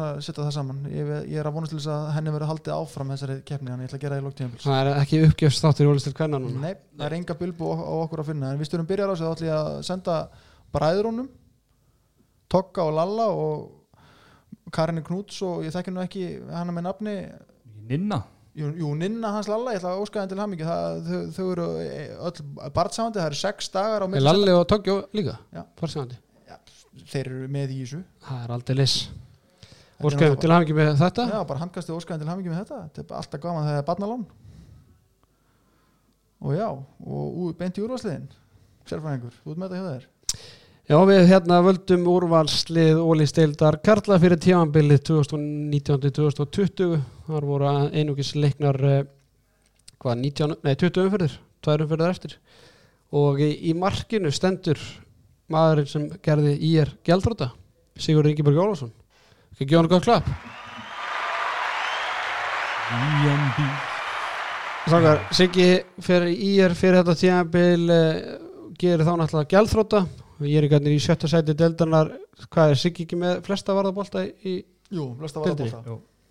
Hann er búin að vera svona á þessum markmunum ótrúlega satt með hvernig að byrja hvað nú fyllt döl er sterklega til greina en, en Siggi er búin að vera stabilastur í, í vetur á markmunum Já, aðeins búin að dala svona síðustu vikurnar hérna. Mist, mist engi markmaður búin að eiga eitthvað svona geggja sísón í deildinni. Nema Siggi? Það er er alveg dottið niður sko. Ah, það- var, hann var Siggi á betri fyrir áramót en, en eftir sko Já, að, að en alltaf vantilega að að hægjast, hægjast eitthvað á greiðslónum til hans Þú veist náttúrulega að það hann stýttist fyrir úsliðkefni það Siggi er alltaf bestu þar sko þannig að hann var bara svona að gýra sig niður svona að trappa sig niður. Heldur það ekki eitthvað með það að gera hann að ekki vera að fá launin sín Ég held að Halli borgi alltaf Eh, Ég held að þetta, er skulle að hafa áhrif á alla hína leikmennina Já, það getur- Aldrei að verða áfram hana í Herru það er slúðmála þátnið þeirra á eftir. Ég held ekki en, ok. Eh, Já, við tölum að Dölerinn, hann er hann er prósentulega hæstur, að hann er 0,5% hærri en Siggi, þeir eru ánum við 34,4 og 34,9 fyrir þá sem hafa gaman að tölfræði í svona töluðu máli. Dölir verið uh, bestur eftir ármót. Já, og verður gaman að sjá hann á, á næsta ári. Það er búin að svona aðeins þú veist, við, við, við vorum harður í, í garðansarna en auðvitað hefði átt að taka þetta náttúrulega tiki, svona, ekki- ekki- greina að hann var að koma í nýtt umhverju nýtt lið, nýtt þjóðfélag. Og ég vil að hann verði hann er með, hann, hann er með fluttur undir bróðumis að segja frá því. Þegar Grjóni er búin að skóla hann aðeins til að þá- Já, að- Nei, það er að- að- mjög að- aðlega Jeff og þeir eru náttúrulega bara að skera henni í kostna það er íbúð sem að þeir, þeir voru að leiða fyrir leikmenn og, og hérna bróðum henni svo mikill að ég held ég held að ég held að hann gera þetta frýtt Var king.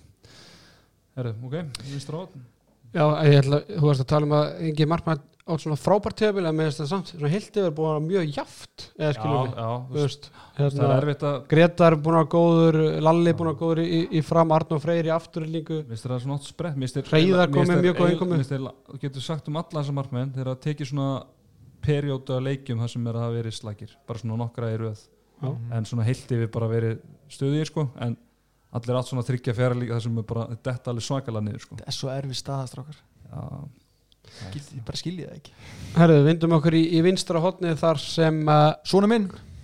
Já, Hákon Daði Styrmisson leikmaður IBVF, hann er í, í vinstra hornunu í liði ársins í handkastinu, strákar hann er náttúrulega bara ótrúlur og með því líka hérna tölfræði og með 6,5 marka meðatileik 77% nýtingu. Hann gaman segja frá því líka hann er líka í liði ásins í annar dildinni Já, hvað hendan í aft, hvað hendan 23 mörk í einu Það er alveg þræl geð sjúk nýting, djúlega þetta góð nýting. Af því að þeir voru, þessi gauðra sem vorum að bera svona, eða svona, voru að keppa við hann um, um þetta, veist, með Dag og Arnar Arnar Frey og svona, svona leikmenn að þeir voru allir undir 70% nýtingu sko. já, og Bæðir er að skora mest og bara með Það gauta með Frábært. 68% já, og er ekki Arnar Frey með undir, undir 64 já, mér fannst það með sko veist, þetta svona, svona, lætt, svona fósóldi svona lítið fyrir honum fyrir bara svona fyrir kannski svona eftir áramót þá veginn fór maður að taka eftir honum miklu meiri í markaskorun heldur en maður gerði fyrir áramót sko en hann er alltaf búin að vera sallis og jæmt og þétt inn bara var svona, hann er búin að vera svona góð stígandi í þessu já. Já, búin að vera voru svona uh, mér finnst hann svona að vera samt svo leikmar í BF sem er einhvern veginn haldið dampi í allan vetur Mm, Donni, líka sko. Donni, Donni þetta svolítið með vagnir með honum hann fyrir áramót dagur komið svolítið upp núna upp á síkastið og eitthvað af þessum mörgum hans eru líka á miðjunu sko. Hann hefur verið að leysa það frábælega hérna, er ekki Hákon búin að missa svolítið hérna, mómentið að fara út í atvinnumesku út af þá ástandunum í þjóðfélaginu Nei, ég bara aldur og náttúrulega bara það til ógrinni að vinstri hotnamönnum í heiminum. Þetta þetta er Erfið staða. erfið staða Mark, staða. Markmenn og þetta er erfið stuðnar að sko Af því að þú veist, þetta er, miklu minni svona rótering heldur en að til dæmis skitta sko. Mhm. þá ertu, getur alltaf verið í hlutverki Já, og þetta er líka bara borga minnst sko. þú veist, þú, en vonandi, ég menna hann er, hann er bara það góður og hann er bara fínum aldri Og hvað, kannski 20 23 ára, þannig að það er engin og líka kannski svona líkamlegi faktorinn ekki eins þú getur alveg náður í lítinn mann og snöggan í hotni en þú veist þú þarft stóra sterka svona, þú veist það er svona ákveðna típur sem að fylla kriteríuna í aðra stöður heldur en hotnin sko. Já, absolutt Herðu, vinstri skittan, uh, það kemur yngum á óvart, það er uh, Haugur Þrastarsson leikmaður Selfoss sem er á leiðin til uh, Kílse í, í Pólandi og Haugur Þrastarsson var með 8,2 mörka meðatalið leik, ekki nema og 5,7 stóðsendingar 61% nýtingu og, og ég veit ekki hvað og hvað strákar er, frá hvað er langt á til að sjáu svona leikmann spila í ólistildinni bara, er ekki bara 10-15 ári, ekki bara ný kynsluð Jú, ég menna, er þetta ekki alltaf cirka 10 ára á, á, á milli Ég meina, hvað langt sinna Aron var? Tíu? Haukum- Aron, Aron var, fór úr deildinni eftir tímubili 2008-2009 Mhm. svo erum við haug núna cirka 10 ára setna og, þannig að ég ætla bara að kíkja á tölvuleikar næsta ári já, og ég meina man ekki alveg eins og svona næsti svona undan Aronni er náttúrulega bara Óli Steff í svona Ásker Örn kannski nú ekki já, nei, en við heldum að þú veist en hann var að spila mútið Barcelona það með haugum, þú veist maður held að myndi ná alveg já, já, sem, sem hann náði alveg sko, en, en bara svona maður er allan að hugsa eins og með Aron bara maður vissi bara ok, þessi gæði verið 100% heimsklass Já. leikmaður sko. mm man ekki hvort Óli Steff, hann var svona svolítið leitt meiri leitblúmi kannski. Hann var kannski ekki búin að taka svona svakalegu dildina dagur held ég hafa nú alveg verið meira börs í kringum dag þegar hann var að koma upp sko. Það voru að hafa verið náttúrulega geggjaða báðir sko og Var ekki Andri Stefan efnilega en Áskir Örn á sín? Jú, Mm, ja, það var alltaf mikið, látið með það báða náttúrulega var náttúrulega komið fyrr inn í haugaliði sko. En hann já, ég hef ekki segja bara að þetta eru svona 10-12 ár í, í, í að við fáum svona talent. annars svona prodigy Það er alltaf svakaleg tölfræði og 8,2 marka með þetta leik og hann alltaf bara bar upp. Sóknarleik selfisíka og þetta var alltaf bara vandræðilegt bara. Ég meina við vorum átt að fjalla um ykkur leiki hérna, það sem að var kannski með við tökum skot, sköpu færi og, og tapa að bolta, svona aðgerðir eins og við köllum þetta í sóknarleik, það var oft bara með 30 eða eitthvað, að 45 eða eitthvað. Bara algjört rugl sko. Herðu, hérna miðjumæðurinn í, í úrvæðsliðinu það var bara ákveðið bara mínútu fyrir henn fyrsta sopa af Ólafsson geninu Já, 12 ári í röð. Áspjöld Friðriksson. Og við reyndum uh, allt til að komunum úr liðinu? Já, eða svona Já, aðeins að hressa upp á þetta. Hann er, hann er búin að vera held í öllum svona úrvarsliðum síðan við, síðan við byrjum með hann ágæta þátt en, en, og það var nú í, kannski fyrsta skipti fekk hann alveg samkefni því að hérna, Anton Rúnarsson er búin að eiga frábært tímabil og verið besti leikmaður vals sóknarlega en svo fóru við svona að rýna í, í, í tölfræðina og áseg með einhverju tvei mörgum meiri leikur, opnu leik og emmi fleiri stóðsendingar og Áspjöld með 7 mörg 60% nýtingu. Hann, ætla búin að, hann er búin að missa punktinn. Misti punktinn verið eitthvað snemma? Já, hann er svona búin að vera með 1,6 allavega víti í leik. hann var var í fjölninsleiknum í krigunum held ég. Hann klúraði tveimur ef ekki þremur í þeim leik. Meðan að Anton er með eitthvað 6 mörgum með þetta leik það er að þrjú úr vítum en bara eins og honorable mention Anton þetta er bara búin frábært tímabil hjá honum. Já, hann var nálætt í að komast að þinn en Hann hann hafði samt- bara það afgerandi COVID sem stoppaði þetta. Anton hefði náðu á síðustu tveim leikjum. Ég vissi það. Já, Herru, það er síðan hægri skiptustöðan sem að var einni bara ákveð bara eftir fyrsta sopa. Já ég sé þú búin ákveða nú og hérna það var engin annar en Birki Benediktsson leikmaður afturlíkar með 5,4 mörka með þetta leik 62% nýtingu. Einn leikmaður annar sem að em náttúrulega bara með sko nánast sömu hérna tölfræði Kristján Orr Kristjánsson með 6,6 mörka með þetta 56% nýtingu.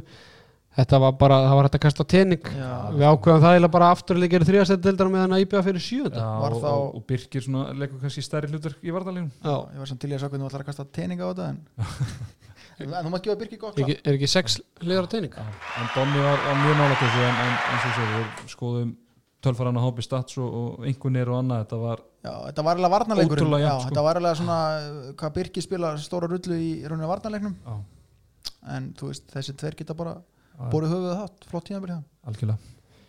Þá er komið að hægri hotna stöðunni og þar erum við með engan annan en Guðmund Mundur Árni. Árna Ólafsson.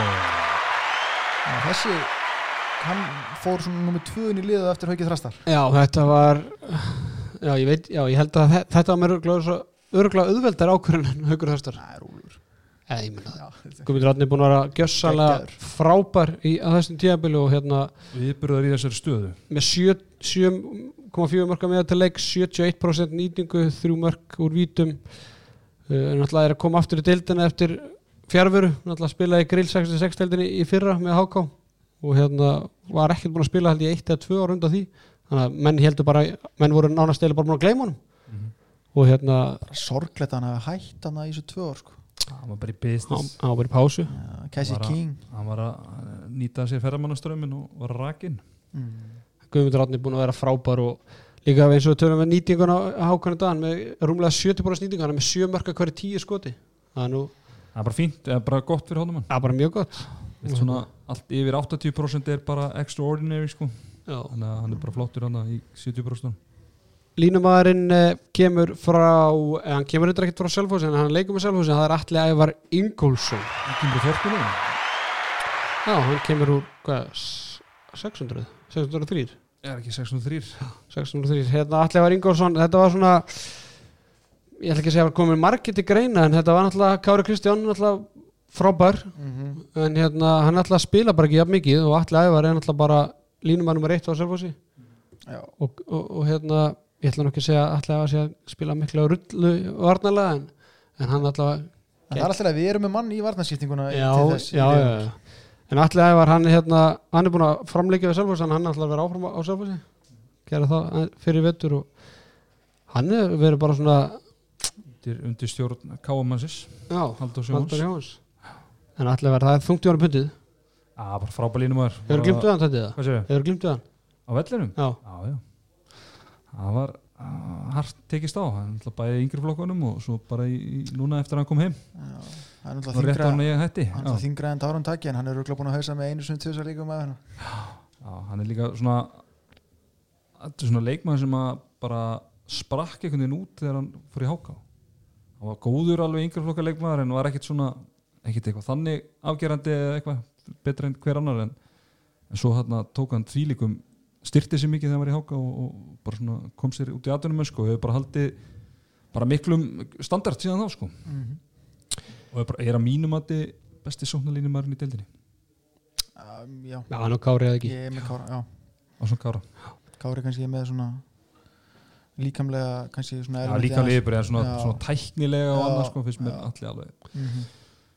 geggjað að horfa á hann spila. Það eru varnamaður í úrvalsliði handkassins fyrir tímafili 2019-2020 er Þorgils Jón Sölu Baldursson. Það kemur í klapp, jú hérna. Staka, Þorgils Jón Sölu Baldursson vissu hver þetta var svona, fyrir, hvað, tveimur árum? Já, ég vissi það nú. Ég vissi það ekki. En hérna bara mætti honum hérna, ég var í Káur hérna, þá var hann í Valu hann er búin að vita hver þetta er síðan þá og, og eru sagt mér á þeim tímapunkti að þetta er já, á þessu tímapunkti líklega bara besti vardumæri í deildinni þá hefði fengið mér síku og farið að skellilega sko.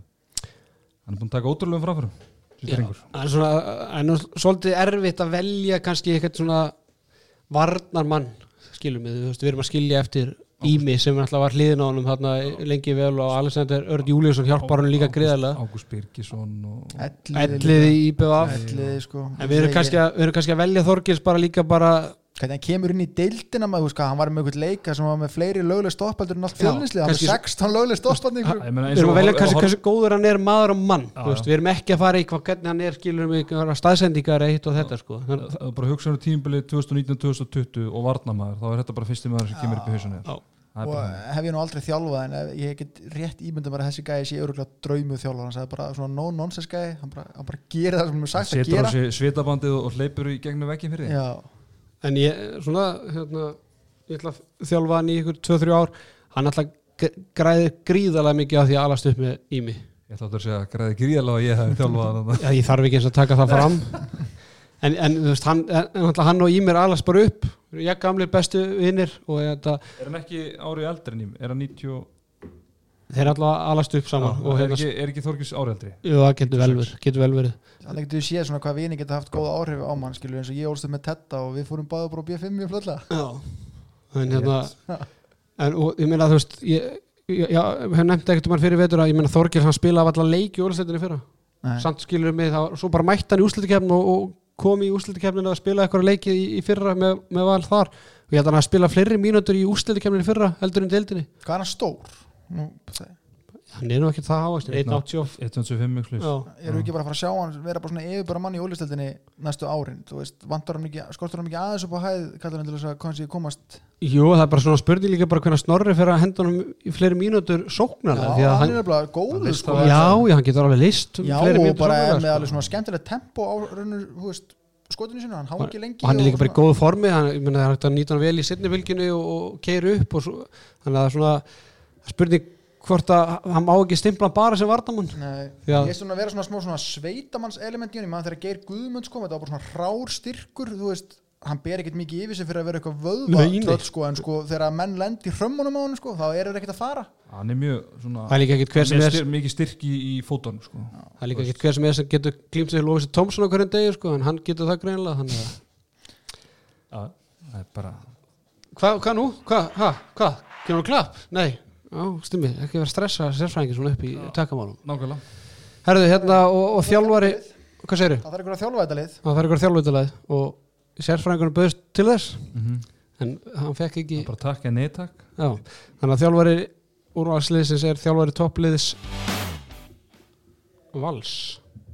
Steinn Guðjónsson og uh, þetta var þú veist, ef maður horfður á þetta fyrir tímabilið jú, jú, það er svona með við, með við hóp og, og svona þá, þá voru þetta vantilega vendingarnar til, til leysins að þeir eru þarna í kringum toppin en bara með við hvernig þeir byrjuðu og hvernig þeir á að snúi þessu við að þá var eiginlega erfitt að ganga framlega og líka einhvern veginn að það er afturölding og í er hafa alveg kannski eh, nátt betri áragur en við gerðum ráð fyrir en samt ekki það mikið betri að mér finnst þetta réttlætt að Einar Andri eða Bjarni Fritzson séu þjálfara ársins Nei, sko, svo má heldur ekki glemma því að sko, Valur er að toppa á hárættu tíma. Ég ætla ekki að segja það að þetta hafi verið sjálf, eða sko viljandi hjá Snorra.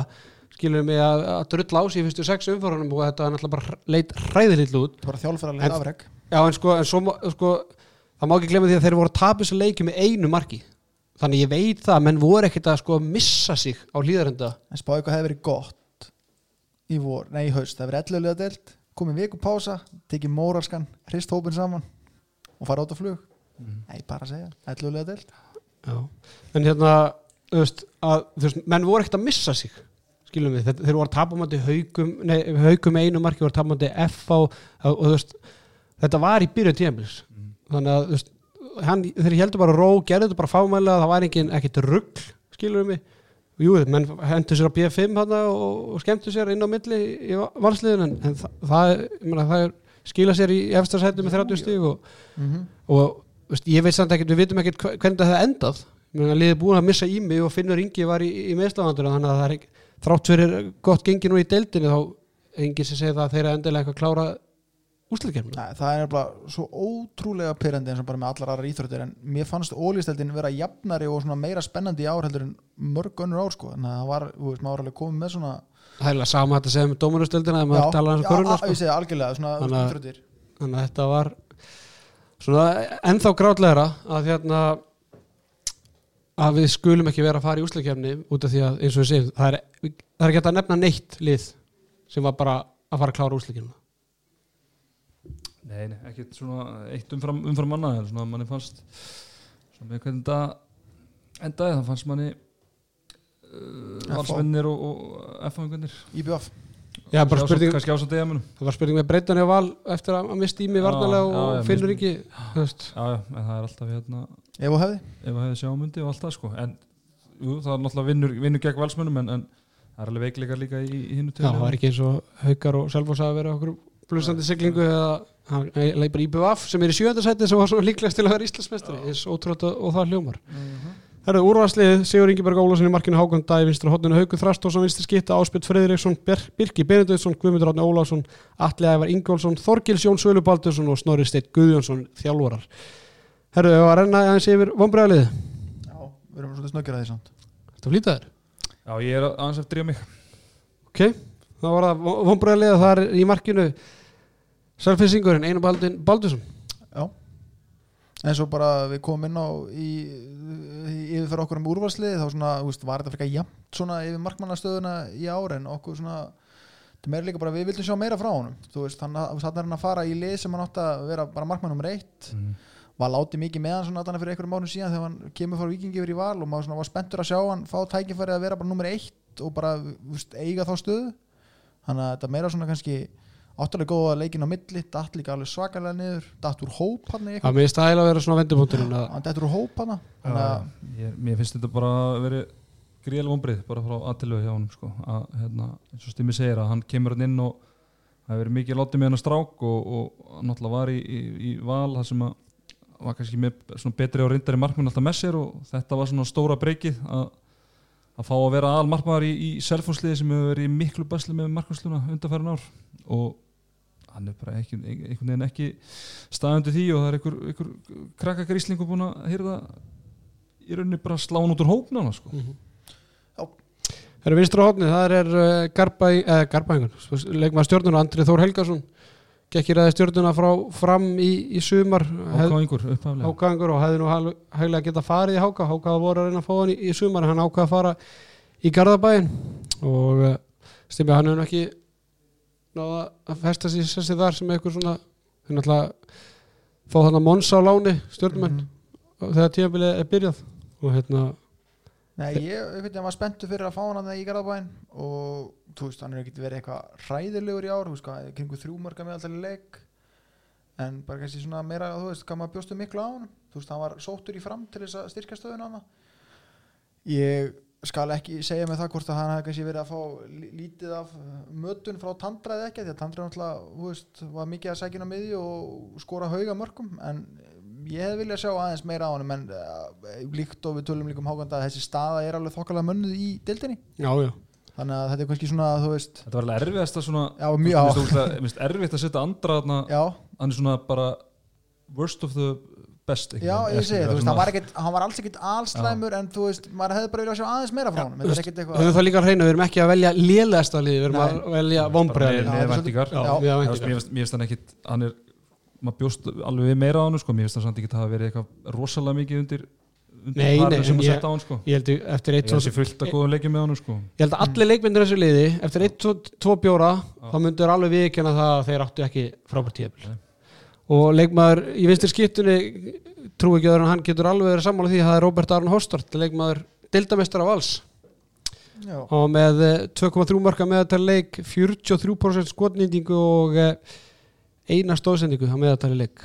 Þannig erum við að tala sko, um leikmann. Bara eitt launahasta leikmaður Já, dildarinnar ég menn hún búin að sko, bursi frá því hvað hann er að fá inn á reikningi sínum hver mánamót uh, þú myndir taka bara síðustu tíu ári ólistildinni þá getur þú fært sterkur upp hverju því að Robert Ann Horstert sé besti leikmann sem við spila í ólistildinni síðustu tíu hann var allavega í úrvarsliði þú getur fært mjög sterkur upp fyrir því að hann væri það ekki allavega í topp þreymur og, og hann er á sko, það er ekki eins og sé orðin eitthvað hund gammal sko, hann er 29 Níu ára. ára á þess ári.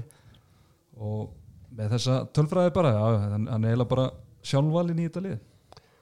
Fyrirliðin Já, jafnvel stýrir klefastemningur þetta er virkilega að vera í þessu skemmtilegu, liði þá. skemmtilegu drengur og, og hérna, það verður- gaman að það sko. Þá skal ég taka bekkin uh, og bakka eina baldin upp ef, ef, ef Robert Aron ætlar að stjórna klefastemningunni Það eru miðumarinn þessu liði, við vorum ekki mikið að velja lið, uh, leikmann úr liðanum í, í fallsætunum eða í bottsætunum en uh, við veljum Bjarka Finnbóðarsson, miðumann uh, Háka, við rættum hann aðeins fyrir á þessu djöfili Bjarki, fyrir þá sem ekki vita og kannski tók ekki eftir að hann var langmarkaðasti leikmaður hérna Háka í fyrra í grill 6-deildin með 82 mörg til viðmjönar þá skoraði Guðmundur Átni 51 mark fyrir Háka í fyrra. Og uh, hérna, en hann hefur heldur betur ekki náð sér og ég held, hvað, sleita hann ekki Já, crossband? Bjarka greinu til varnar að svona frá því að við völdum hann í þetta vonbreðli síðast og spila hann nú ekki droslega marga leikir til að geta bætt upp fyrir það því En- hann slit náttúrulega bara crossbund bara fljótlega Já. eftir það sko En hann spila 16 leiki, hann með 1,2 mörga meðatali og það er ekki hægt að segja hann sé að skjóta lítið það með 34% skotnýtingu Mhm. þannig að hann var að reyna og, og hérna en þetta hljóta og ég held að þessi vonbreiðin er bara mest hjá honum sjálfum Já, já, veist, hann hefur pottið- fengi alveg fullt af leikmönnum í þessa í þessa stöður sko, þannig að hérna, það átti greinlega að dreifa en ég meina, þú sér, hann er að skjóta þá hérna, átti sex skot í leik með þessa tölfræði þannig að hérna, þannig að þetta það er nei, ný. Þannig að Bjarki Finnbóðarsson þetta bara óskum hann honum góðs bata í hérna endur hæfingun en hann er miðumann í þessu lið og hægra megin í hægri skittunni er Ólafur Ægir Ólafsson. Hægri skitta í liði hauka við höfum alltaf getað að vali líka Áskir Örn með honum ég veist að- það bara ekki spila nú mikið nei, nei, Bara- en bara við hefum alveg getað en hann kannski, Ari Magnús kannski átti átti ekki frábært tímabil heldur nei, en Rúnar kveikt aðeins í honum hann í tvo leiki Heldur betur. Mhm. Ólar Ægir með 2,9 marka með til leik og 50% skotnýtingu strákan hann kemur þarna en alltaf er Íslandsmeistarliði vals hvað fyrir þremur árum. 2017 Já. fyrir svo hérna út til uh, Sviss gefur svo heim og var nú núna eitthvað eftirsótur en haugarnir lögðu mikið kappi að fá hann og ég held að hann, þeir að nú bara já, vonast til að fá meira en hann hérna, Já, þú veist, þetta er skitta sem er að spila öruglega 50% í leik ef ekki það og hann er að skora undir tvö mörg að meðaltali. Þú hann veist sko að þú veist hann að var hann er eitthvað með eitt og víti klímameðsli Já, líka hundur varna líka eða svona hundur tekna kannski að að hann var aðeins að koma upp núna. Mhm. Pásu, síðustu sko. leikjunum og Já. Teddy mjúkur þetta, hann er svona er að, þegar menn kom úr platunum mennskunni sko, þá, þurfum við, þá gerum við meiri gröfur Já, og komur aðeins óvart hann var ekki alveg í top physical shape í byrjun tíðan það kom ég reyndar ekki dórt en það er eins og það er Herðu, í hægra hotninu þar er, eh, erum við bara með hægra hotni á, á Selfossi. Já, þetta er svona svip og, og, og herla, með andra sko, þú veist já, þetta er bara, hotnastöðunar í deildinni eru bara þokkalega manna já, sérstaklega hægra megin. Já, og hérna er að tala um að Guðjón og hann Alexander Morega, þú veist þeir voru með báðir að meðallega undir tvö mörkileik sérstaklega með þetta skrimsli sem Haukur Þrastarsson er, maður haldið að hann geti þú veist, búið Ó. til fleiri færi. Já, ég, ég bara við höldum við fram að hægra hotnumenn Selfoss var betri færi en Já. hægra hotnumenn í öðru, öðru liðum. þannig að þetta er svona, þú veist Þetta er, þetta er var svona best the, já, þetta er svona, eh, þú þetta er svona worst of the best þú veist, þetta er, þú veist, þeir voru ekkert alls slæmir en þetta er bara það sterk staða, að þurftum að þurftum að manna þessa stöðu. Já, já, og ég meina og ég þeir held, að- eru ég held, að, ég held að Patrikur Jónusson myndi nú alveg viðkynna það Íslandsmeistaraliðin hans í, í fyrra það voru tvær vikustu stöðunar markverðarstaðan og hæra hodni sko. Mhm. Þannig að hérna. Já, Yes, en þeir eru fínir leikmenn sko en, en þeir eru svona já, bara erfitt að hotnamennir í þessar deilt hafa staðið sér svona heldið bara þokkalega sko Mhm. Mhm. Herru, línumannastæðan þar völdu við Valdimar Sigursson, línumann hjá Fram uh, hann náttúrulega spila bara sókn á, á Fram og, og mikið talaði um hann í fyrra og hitti fyrra, sérstaklega fyrir tveimur árum uh, hann er með tvö mörka meðatali leik, 63% nýtingu bara uh, hvað ég held að sé að skora eitthvað 20 mörku færri núna en í fyrra og hérna og ég meina Haldur Jóhann hann sækir með þess að tjörfa tí og línumann frá Valu hann er rétt fyrir eh, um áramótin. Og hann spilar einhverja mínútur hann eftir áramót hann alltaf kallar aftur tilbaka í Val eftir að ími fyrir út en, en ég meina ég veit að Valdimar var nú alveg eftirsóttur af einhverju liðum fyrir þetta tímul en hann ákvaði að vera áfram í fram en tvö mörka með til leik einu línumar ægir hleypum allar fram fyrir miðju þannig að ég held að framarinn hann nú alveg vonast til að fá meira útrónum með þetta? Já, þetta er meðaltali, hann er með 2,9 í fyrra en tölur betur nýtingu. Þannig að hann er greinlega að fá bara svipamörk færi en er bara slútt að vera Já, hann ætlaði með punktin eitthvað í fyrra. Já, ég veit ekki, ég er svona kannski ef maður reynir að horfa eitthvað annað ég Það var erfitt. maður hann er skrim jafnvel. Já, hann ætlaði hann en, spilar mjög mik mikla sókn og er að 1,2 mörka meðaltali en hann er samt að skora meira en við grótunni í fyrra Já. sá ég á stemmi er svo spyrir hvað að vera. en hann er ekki að spila meiri sókn jafnvel núna en hann gerði? Það var ekki hósið í Jú, Gróttu við í erum að fyrra. skipta þessu fyrir að núna er hann að spila kannski 40-50 myndir sókn í leik. Meðan hann spilaði bara kannski 10-20 með gróttunni fyrra. Þannig að er hann- hann, hann, hann er, hann er tölvöld betri varnamæður en, en sóknamæður svo því sé haldið til haga sko, en, en, já, en ég get alveg ég, sammála með Valdimar sko, bara Mhm. svona kannski ef það er eitthvað sem ógnaði hann sæti þá var það kannski grimmarinn Grimmari. Já, Þetta var einmitt á milli þessar að tvekja Það verið gott að fá input frá þér í dag en þú varst að Já, sinna það að nefna ha. Herðu, þjálfararnir í, í vombriðaliðinu strákar, Stimmi, þú farið þann heiður að, að tilkynna það? Já, þeir koma norðan og eru Stefán Átnarsson og Jónatan Magnússon og sem sagt, svona okkar rauk fyrir þessu vararinu bara hrun káaliðsins setnir út af tíðanbilsins Lang næst, næst var já, næst næst, já. Já, eiginlega bara næst Já, ef við eftir, hefðum- há, eftir fjölni því að Háká var eiginlega bara orðin miklu betur en Já, ef við höfum haft svona sexum fyrir viðbót já, þá hefði Háka náðum sko. Power rankingi núna þá er Káa í 11. seti ættu að fella Káa bara? Alltaf á sík gera það? Að fækka. Já, farið bara tíu lið og eitt lið ef við ætlum að fækja tíulega þá myndi ég freka fella Káa og,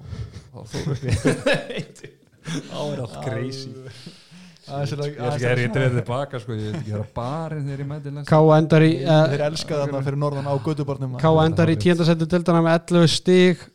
Alltaf voru eitthvað að reyna að fara í úsleirkefnina í byrjun tíabils og alltaf hendaði Tarik hann fyrir rútuna og þá var bara Ég- þú kemti stúið Já. heimavöllin ekki nægilega sterkur Ég veist aðalega bara andleysi sem að kemur hann þú veist, menna, við komum og svona, þú veist, vorum að þess að svona hlæja með að því að Elli hafi náði nökkva og hérna til þess að svona komið svona ó, svona hvað ég segja svona óeðl, eða svona einhverja nýjar vittir í er að koma hópnu saman.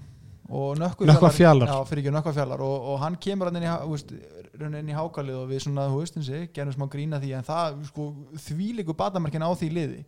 Og ég eiginlega vildi hafa þess að tvo kumpana sem að eru toppmenn en hérna, mér fannst svona andleysið í kringum káaliði vera, vera svona vendipunkturinn í að þeir eru að þjálfa þetta óbreiðalið Mhm. já, já, ég held að þetta sé bara nokkuð val, þeir sko. eru Bara- báður svo bara- miklu stemningskalla sko. Já, bara með væntingar, ég meina fá Jónundan inn og, og svona allt væpi fyrir tímabili var bara hjá Káa fannst mér nú fyrir við í úslitakefni Mhm.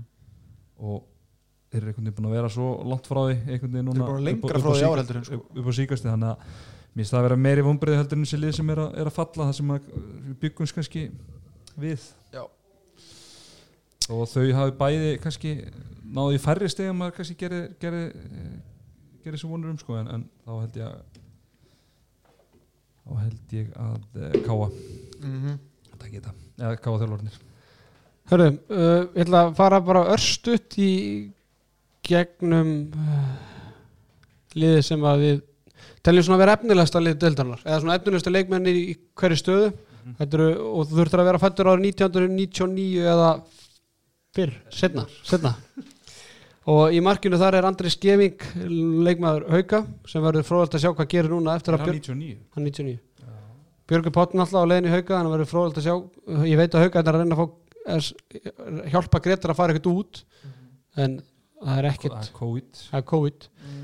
Þannig að Andri þarf að vera allavega að varma maður eitt tímabili viðbútt 21 ás orðin. Uh, vinstra hodninu þar hefur við með Dag Gautarsson leikmann Káa, vinstur skiptinni Haukur Þrastarsson, efnilegasti leikmaður bara í heimi í dag, á miðinni Tumi Steinn Rúnarsson, leikmaður afturlíkar hægri skiptinu Hafþór Vignisson leikmaður Ír. Hægra hodninu, þar hefur við með hvað Gabriel Martínez. Leikmann IBF og á línunni erum við með Tjörva T. Gíslason sem var lánari fram hann var ekki mikið já, ég, en hann Eiríkur já, svona er svipað. hann, er hann eru ég gamlir já. já. en hann ég er situr svona kannski frekar ef ég hef verið online í dag þá hefði ég sett hann frekar en, en tjörfa bara, bara búin að spila meira Já. Þetta var líka, það voru, voru hérna hlustundur okkur á Twitter sem komum við líka með tillögur hérna og svona aðeins unnu á þeim hann er náttúrulega leikmenn hann eins og Stephen Topar Valencia hann var sennilega varnamöður í þessu liði kem inn í vardaskiptingu bakurinn já, Mhm. Og það var ekki bara að að hvíla sig. Já, eða tuma vardaskiptingu og hann litla. gera sín í Já. 15 loki herðu, besti leikmaður úrstildar Karla strákar. Uh, við erum allir frekar ósamála með þetta. Haukur Þrastason efnilegasti leikmaður úrstildar Karla að mati Hangasins eh, þar fórum við í, í Dag- dag Gautarsson það var hann eða Blær og, og já, eða haugur ja, Haukur, já, bara svo leiðilegt að velja sama efnilegast og besta. En eins og með Blæ að mér fannst eða ekki skotnýtingin hjá honum svona alveg vera þegar maður fór að skoða þetta betur. Og svona eins og staðan er núna er alveg hörku potensial í Blæ og, og, og kannski að fara í betra lið og svona þá næri hann að bæta svona aðeins að beisla sig. En mér er svona líklega að dagur náðu lengra en, en Blær eins og staðan er núna. Mhm. Bara Sammála hver, hversu langt þeir eru komnir bara sem í sínu leik. Mhm. en báði frábærir. Bestu kaupin þau voru gerði í Móselsbænum Guðmundur Átni Ólafsson. Já, bara. Bara við erum búin að tala um það örgulega 60 sinum í þessum þætti í Þetta vetur. er svona virkilega vel skátað þeim af því ég held að eins og þú komst inn á ég held að bara eh, mörg ön, önnu lið í Ólís hafi bara ekki verið með að kveikt á perunni já, eða bara haldið hann væri bara ekkert á leiðin eftir Ólís, það vildi bara verið í grinu Hörru, leikmaður sem er komið mest á óvart hann var í úrvarsliðinu og varnamar í úrvarsliðinu og þó- heitir Þorgils Jón Sölu Baldursson. Já, algjörlega. Ég er með eitt leikmaður strókar ég er líka með, á hvern, segð þú fyrst. Jóhann Birgir. Uh, já, hann hefur nú sínt mér þetta alveg áður sko. Komið samt mjög mikið óvart hann, með er búin að, hann er búin að vera stöður í hann vetur, var bara gjössalega hann- frábær í HK og kom svo bara sterk eh, kom mér mikið óvart að hann bara lappaði inn í byrjarlega FH Já, þetta er svona eins og Emil Pálsson gerði hérna já, lánaði fjölni. 15 Já, eða já, 16 alveg- hann var já, hérna fór í fjölni hálft tíumbil og var geggjað þar og kom, að hann komst í gefalið og var svo bestur í gefaliðinu eftir hann. Kom tilbaka, ég, annað sjátt sem kemur úr hafnafinu líka, það er Jón Bjarni Ólafsson hann er búin að taka bara fara úr því að vera bara einhver algjör var að skeifa bara yfir að vera bara bara komin í samkettin nánast í Ágúst Birgisson sko, og bara er að spila að vera mjög góður upp á síkast bara bæði vörð og svo Mhm. Þannig að, já, og svona honorable mention og þá, tvö. en Þorgils Jón svona Já, já, þú veist, hann, hann, þú veist, hann er, við erum að velja það besta varnamann og það er bara fullt af fólki sem vissi hver þessi drengu var fyrir, fyrir tímbili. Herru Stemmið, þú vekk senda móla Já, heldur betur. Ekki fara aðeins yfir þessa mólagreiningu áður þú getur þú alla? Herðu, jú, hérna uh, mínir menn í Garðabænum eru eitthvað að gera sér gildandi á markanum hefur maður heyrt frá, frá mönnum þar og ja, sjá sér leik á borðið að, að kroppa í, í, í sagt, þá úr breiðholtinu sem eru ekki nú þegar konum í lið og hef ég heyrt út undan mér á, á Gautum Garðabær allt með góðu millibili það er svona, tvei, ja, svona 2-3 metrar á milli manna sem hafa sagt og vera að gargætt í eirunum að seðilin geti verið á leiðinni aftur heim en að gæsla koma aftur í Garðabæn ásamt Hafþóri í Vignisinni sem var í 21 liðin okkar í Ólís og hérna ég er svona hv- hvort að seðilin komið aftur Var- í stjórnum þegar Patti var með val var, Þá var Siggi var Siggi þá uh, bræfummistra var ekki Að ég, held einmitt að þú sko ef að Siggi til þess að koma aftur í stjórnuna þá væri það fyrir tilstildi Patta að hann myndi vilja spila fyrir Patta aftur og Patti myndi vilja fá hann sko því að ég held að Siggi hafi ekkert skilið eitthvað allt og vel við stjórnuna Nei, nei, það má bara skróla aðeins niður Twitterina svo sér það. Já, þannig að, þannig að eins og sé, þetta er það sem ég hef heyrt úr Garðabænum. Já. uh, Fleiri móla sem fengum Já, náttúrulega kvennalið, náttúrulega þá líka eitthvað að reyna að styrkja sig Helena Rutt, hérna Örvarsdóttur og Eva Björk Davistóttur eru báðar hérna orðaði við stjórnuna Já. og bara, ég vel að þær sé bara búin að skrifa undir hjá kvennalið stjórnunar Já, ég var allan að, ég held að, ég held að hún, þetta er nánast 100% með helinu sem er bara frábært fyrir deildina að það séu fleiri liða styrkjast en svo sé ég hérna niður í mólahotninu að Rut Jónsdóttir sennilega leiðin í fram eitthvað sem að, veist, hún hefði mátt fara eitthvað annað lið sko. ah, þetta var svona staðan svona sem kannski hefur verið svona kannski basl fyrir framsóknulega síðustu ári en hún er undir búin að mér hefur fundist Hildur Þorgis vera góð í ár sko Já, hún bara spilar, hún er bara með aðra leikmenn sem skjóta Já. bara, en einmitt það sem við þurftum að fá Rut í þessa stöðu bara en. En það er samt bara gaman að fá veist, fá sterkar leikmenn heim. Einmitt, það er spurning hvað Basti gerir. Ég menna ég ætla hann að heyrta einhver orður um það að hann ætla hjóli í svo í breyka dags. Já, og hérna hann var náttúrulega mjög náldið að ganga til þessu fram í, í síðast sumar. Þannig að eh, ég var eitthvað búin að heyra einhverja hugla kvísla því allavega. Mm þannig að það er spurning Svo er svo spurning hvað Kristján Orri Jóhansson gerir leikmaður í ír, ég held að hann, að, held, ég veit að hann er samningslaus hjá ír. Já. já, það, þarna komum við á það aftur hvað þessi þú veist, Selfoss ætti að ná í hann? Selfoss og Haukar. Haukar, alltaf fekk að brýna út. Já, Brynjálf og Haldur Inga. Já já en hérna þetta er svona þetta er að er, við mönnum þetta er svona þetta er svona eru báður búin að framleika sko. Já, ok, ok, þá gerist það ekki. En þeir eru þá svona luxuskaup að þeir eru góðir sko en mér finnst Kristján vera bara í klassanum fyrir ofan Já, já, bara aðeins að hrist upp í hópnum við haugunum sko. Já, algjörlega Mhm. En allavega, og hérna íringarnir, ég held að Kitty Björgun sé að reyna að fá starra Friðriks frá stjörnunni sem hefur náttúrulega verið bara náttúrulega greiðlega mikið meittur, alltaf þetta er axlalið eins og sérfræðingunum þekki nú ágætlega Já. og hérna íringarnir er svona að reyna að fá starra Mhm. hefur maður heyrt uh, Ger Gumundsson, hann er á leiðina heim Já. svo bara spurning hvert hann fer Nú er það svolítið breytta fórsundu hjá mörgum liðum Já, ég held að það sé allt bara á ís en er það ekki þá líka breytta fórsundur hjá leikmönnum? Að þeir átt að sjá því kannski að Púlían er ekkert lengur þá er spurning hvort er þraukið þá lengur úti reyna, er hann með samning úti? Nei, bara reyna að finna sér hvað Það er liður sko- sama staða hjá liðanum úti Barcelona var að taka 70% bara strauja á, á launakostnað. Já, nei ég er að tala um sko, ég mani einu sinni sko, held ég að fanna friðgis að það lendi því hvernig hann bara samtöðu eitthvað lið sem dróði svo tilbaka og þá hvernig var bara glugginn búin fyrir hann því að liðina út eru svo tímalega að hvort á gummespakka eða eitthvað sem að var gjaldtróta eða eitthvað svo leiðis þannig að þú veist, ég hugsa að menn geti ekki verið að, að hérna, býða allt og lengi með að taka ákvörðunum um hvert þið fara en ég held að buddan sé nú þykust á hlýðarenda en hvort þið ætla þurfi með endilega Agnar. Geir- ha, Já, það er náttúrulega erum agnar Já, ég er að segja það en síðan hvort þið þurfi geir er aftur á móti allan að mál sko. Ég var búin að spá hann til Vestmanni þess að tóku þér áskir sko en spurning hvort þau verður með þá tó bara Ég- eitthvað. Pálmi er ekki trættu við það að segja fleiri menn ef, að- ef að. Það er- Geir Guðmunds er bara á besta aldri sko. Hann er Já, hvað, 27. 93 27 ára árinu hann er Ég myndi vilja bara strákur sem er alltaf í hörku standi. Sko, ég, held að Garða- ég held að við þeim myndi skoðan í Garðabunum en ef við ætla að ná í Hafþór þá náttúrulega er algjör óþar að vera að skoða geir líka sko. Þetta verður spennandi. Yes, sir. Jón Kúkabat, hann er orðað við Þór. Þórsarður var að styrkja sig án þess að vita hvort þið sé að fyrir upp. En nema, nema þetta sé ákveða hvað Þeir upp. fara upp fyrir upp en hérna það er áhugavert ef, ef að rétt reynist. Náttúrulega, hvernig það er, hann var náttúrulega í Akureyri.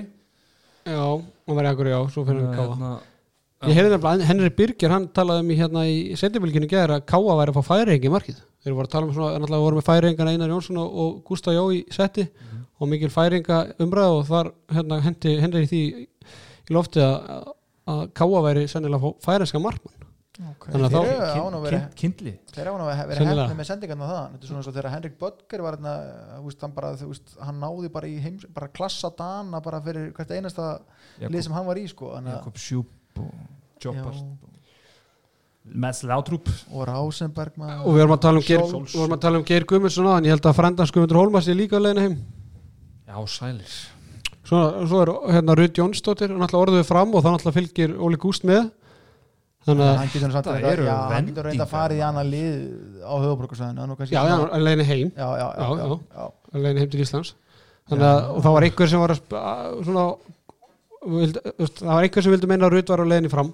En, en fram með með sko bæði Hildi og náttúrulega leiðinamarketi bara Já. langefnilegasta leikmann bara, Vist rosalega skrítið að hún fer ekki að fara að fá starra hlutir já, en Já. þá vildi einhver meina að Rud var að, jafnvel að fara í val og Óli Gúst myndi fara með og í minningunni þá fannst mér eins og Óli Gúst var nú ekkert mann orðaði við hérna val áður fyrir stjörnuna mun eftir því Ég held að fá hann bæði í þeim, bara. á þeim tíma minni mig nú að, að þetta, eða þú veist, minni mig ekkert ég bara veit að fyrir víst að þá stóðu valið á milli FA og stjórnar þegar Já. hann fyrir stjórna bara stjórnan bauð betur og hann endaði þar en hann að uh, já, það var í hann alltaf, ég veist eins og Magjóli og, og, og Daniel Freyr, eh, Daniel alltaf fara út. Mhm. já, en Magjóli alltaf spilaði með Óla í FA og svona, þannig að þeir þekkjast ágætlega. Svo náttúrulega valsararnir þurfa náttúrulega markmann að spila gott að Siggi Siðil endi í- á hlýðarenda er ekki eina hvað að koma? Freyr? Reyðar er í mér, æ, hann náttúrulega æfði lítið fyrir með gróttu sko, þá getur rétt ímyndum að hann æfi ennþá minna með val. Það byrjuði er hann ekki í Selfoss? Jú, en hann gerir bara eins og samling já, Ein- eina bóltin Hann kemur vantilega búið jú, jú, en valið þarf alltaf annar markmann með. Mm þannig að það er spurning hvað þeir gera. Uh, hérna, Karoli Strópus voru ekki skoðið eitthvað ungverja eða eitthvað? Jú, ég er nefnilega held að hann hérna ó, svo stóluðu með hvað hann er- heitir í haugunum. Gretar. Já, Gretar, fyrir, já, takk fyrir aðstofan ég bara gjössanlega hann ég hugsa að hann fari eitthvað innanlands. Já, ég held að það sé með að að hann sé ekki að það múin að semja neitt lið og ekkert að gera 31. mars þá er alltaf bendur bara margtið þess. Karoli Strópus, hann er orðað í BVF já, Það er vegna þess að, að konan hans, Roberta Ivana Skæti, næstmarkaðasti leikmaður afturleikari fyrra, hún er orðið í BF og Ok. okay. Karli Strópus myndi þá fylgja með. mínu menn Siggi og, og Him eru heldur betur búin að vera að styrkja liðið þar Ég meina, Birna Berg og, og hún ég var, hvað er að gerast með nokkur minn og Sandra Ellings. Bara, vá en, en, en ég, ég, ég var að ræða þetta og, og hérna, heimildamaður minn var að spyrja hvað hva Strópus hafði gerið í BF. Bætir ekki bara breytinu, ég hann getur spilað vörn og leið skittuna, ég sáum bara í vetu, hann bara geggjaður upp á breytinu, hann getur leist bara góðu varnamæður ég held að þetta væri bara ég held að þegar þeir, eru í smá vandra með breytina í, í varnar, varnarstöðum og, og, og fyrir utan sko. Ég var svona að vonast hérna til að káa tæki hennar til það, þessi lið utan landi er svolítið að vinna með að styrkja að reyna að fá hérna Ester Óskars fyrir alltaf og Maggi Stefa fylgir með og svona. fá svona fjölskyldunar Já, bara- þannig að- já, að maður var að vonast til að káa myndina en svo virðist bara sem að káa eigi bara ekki pening á því eða efna á því þannig að ég maður þegar F.A. tók einu svona tvo rúmina tvo markmenn, kalla hvernig lið Leonard Kristescu og Elisabeth 2007, það var svo hún eitthvað Olga.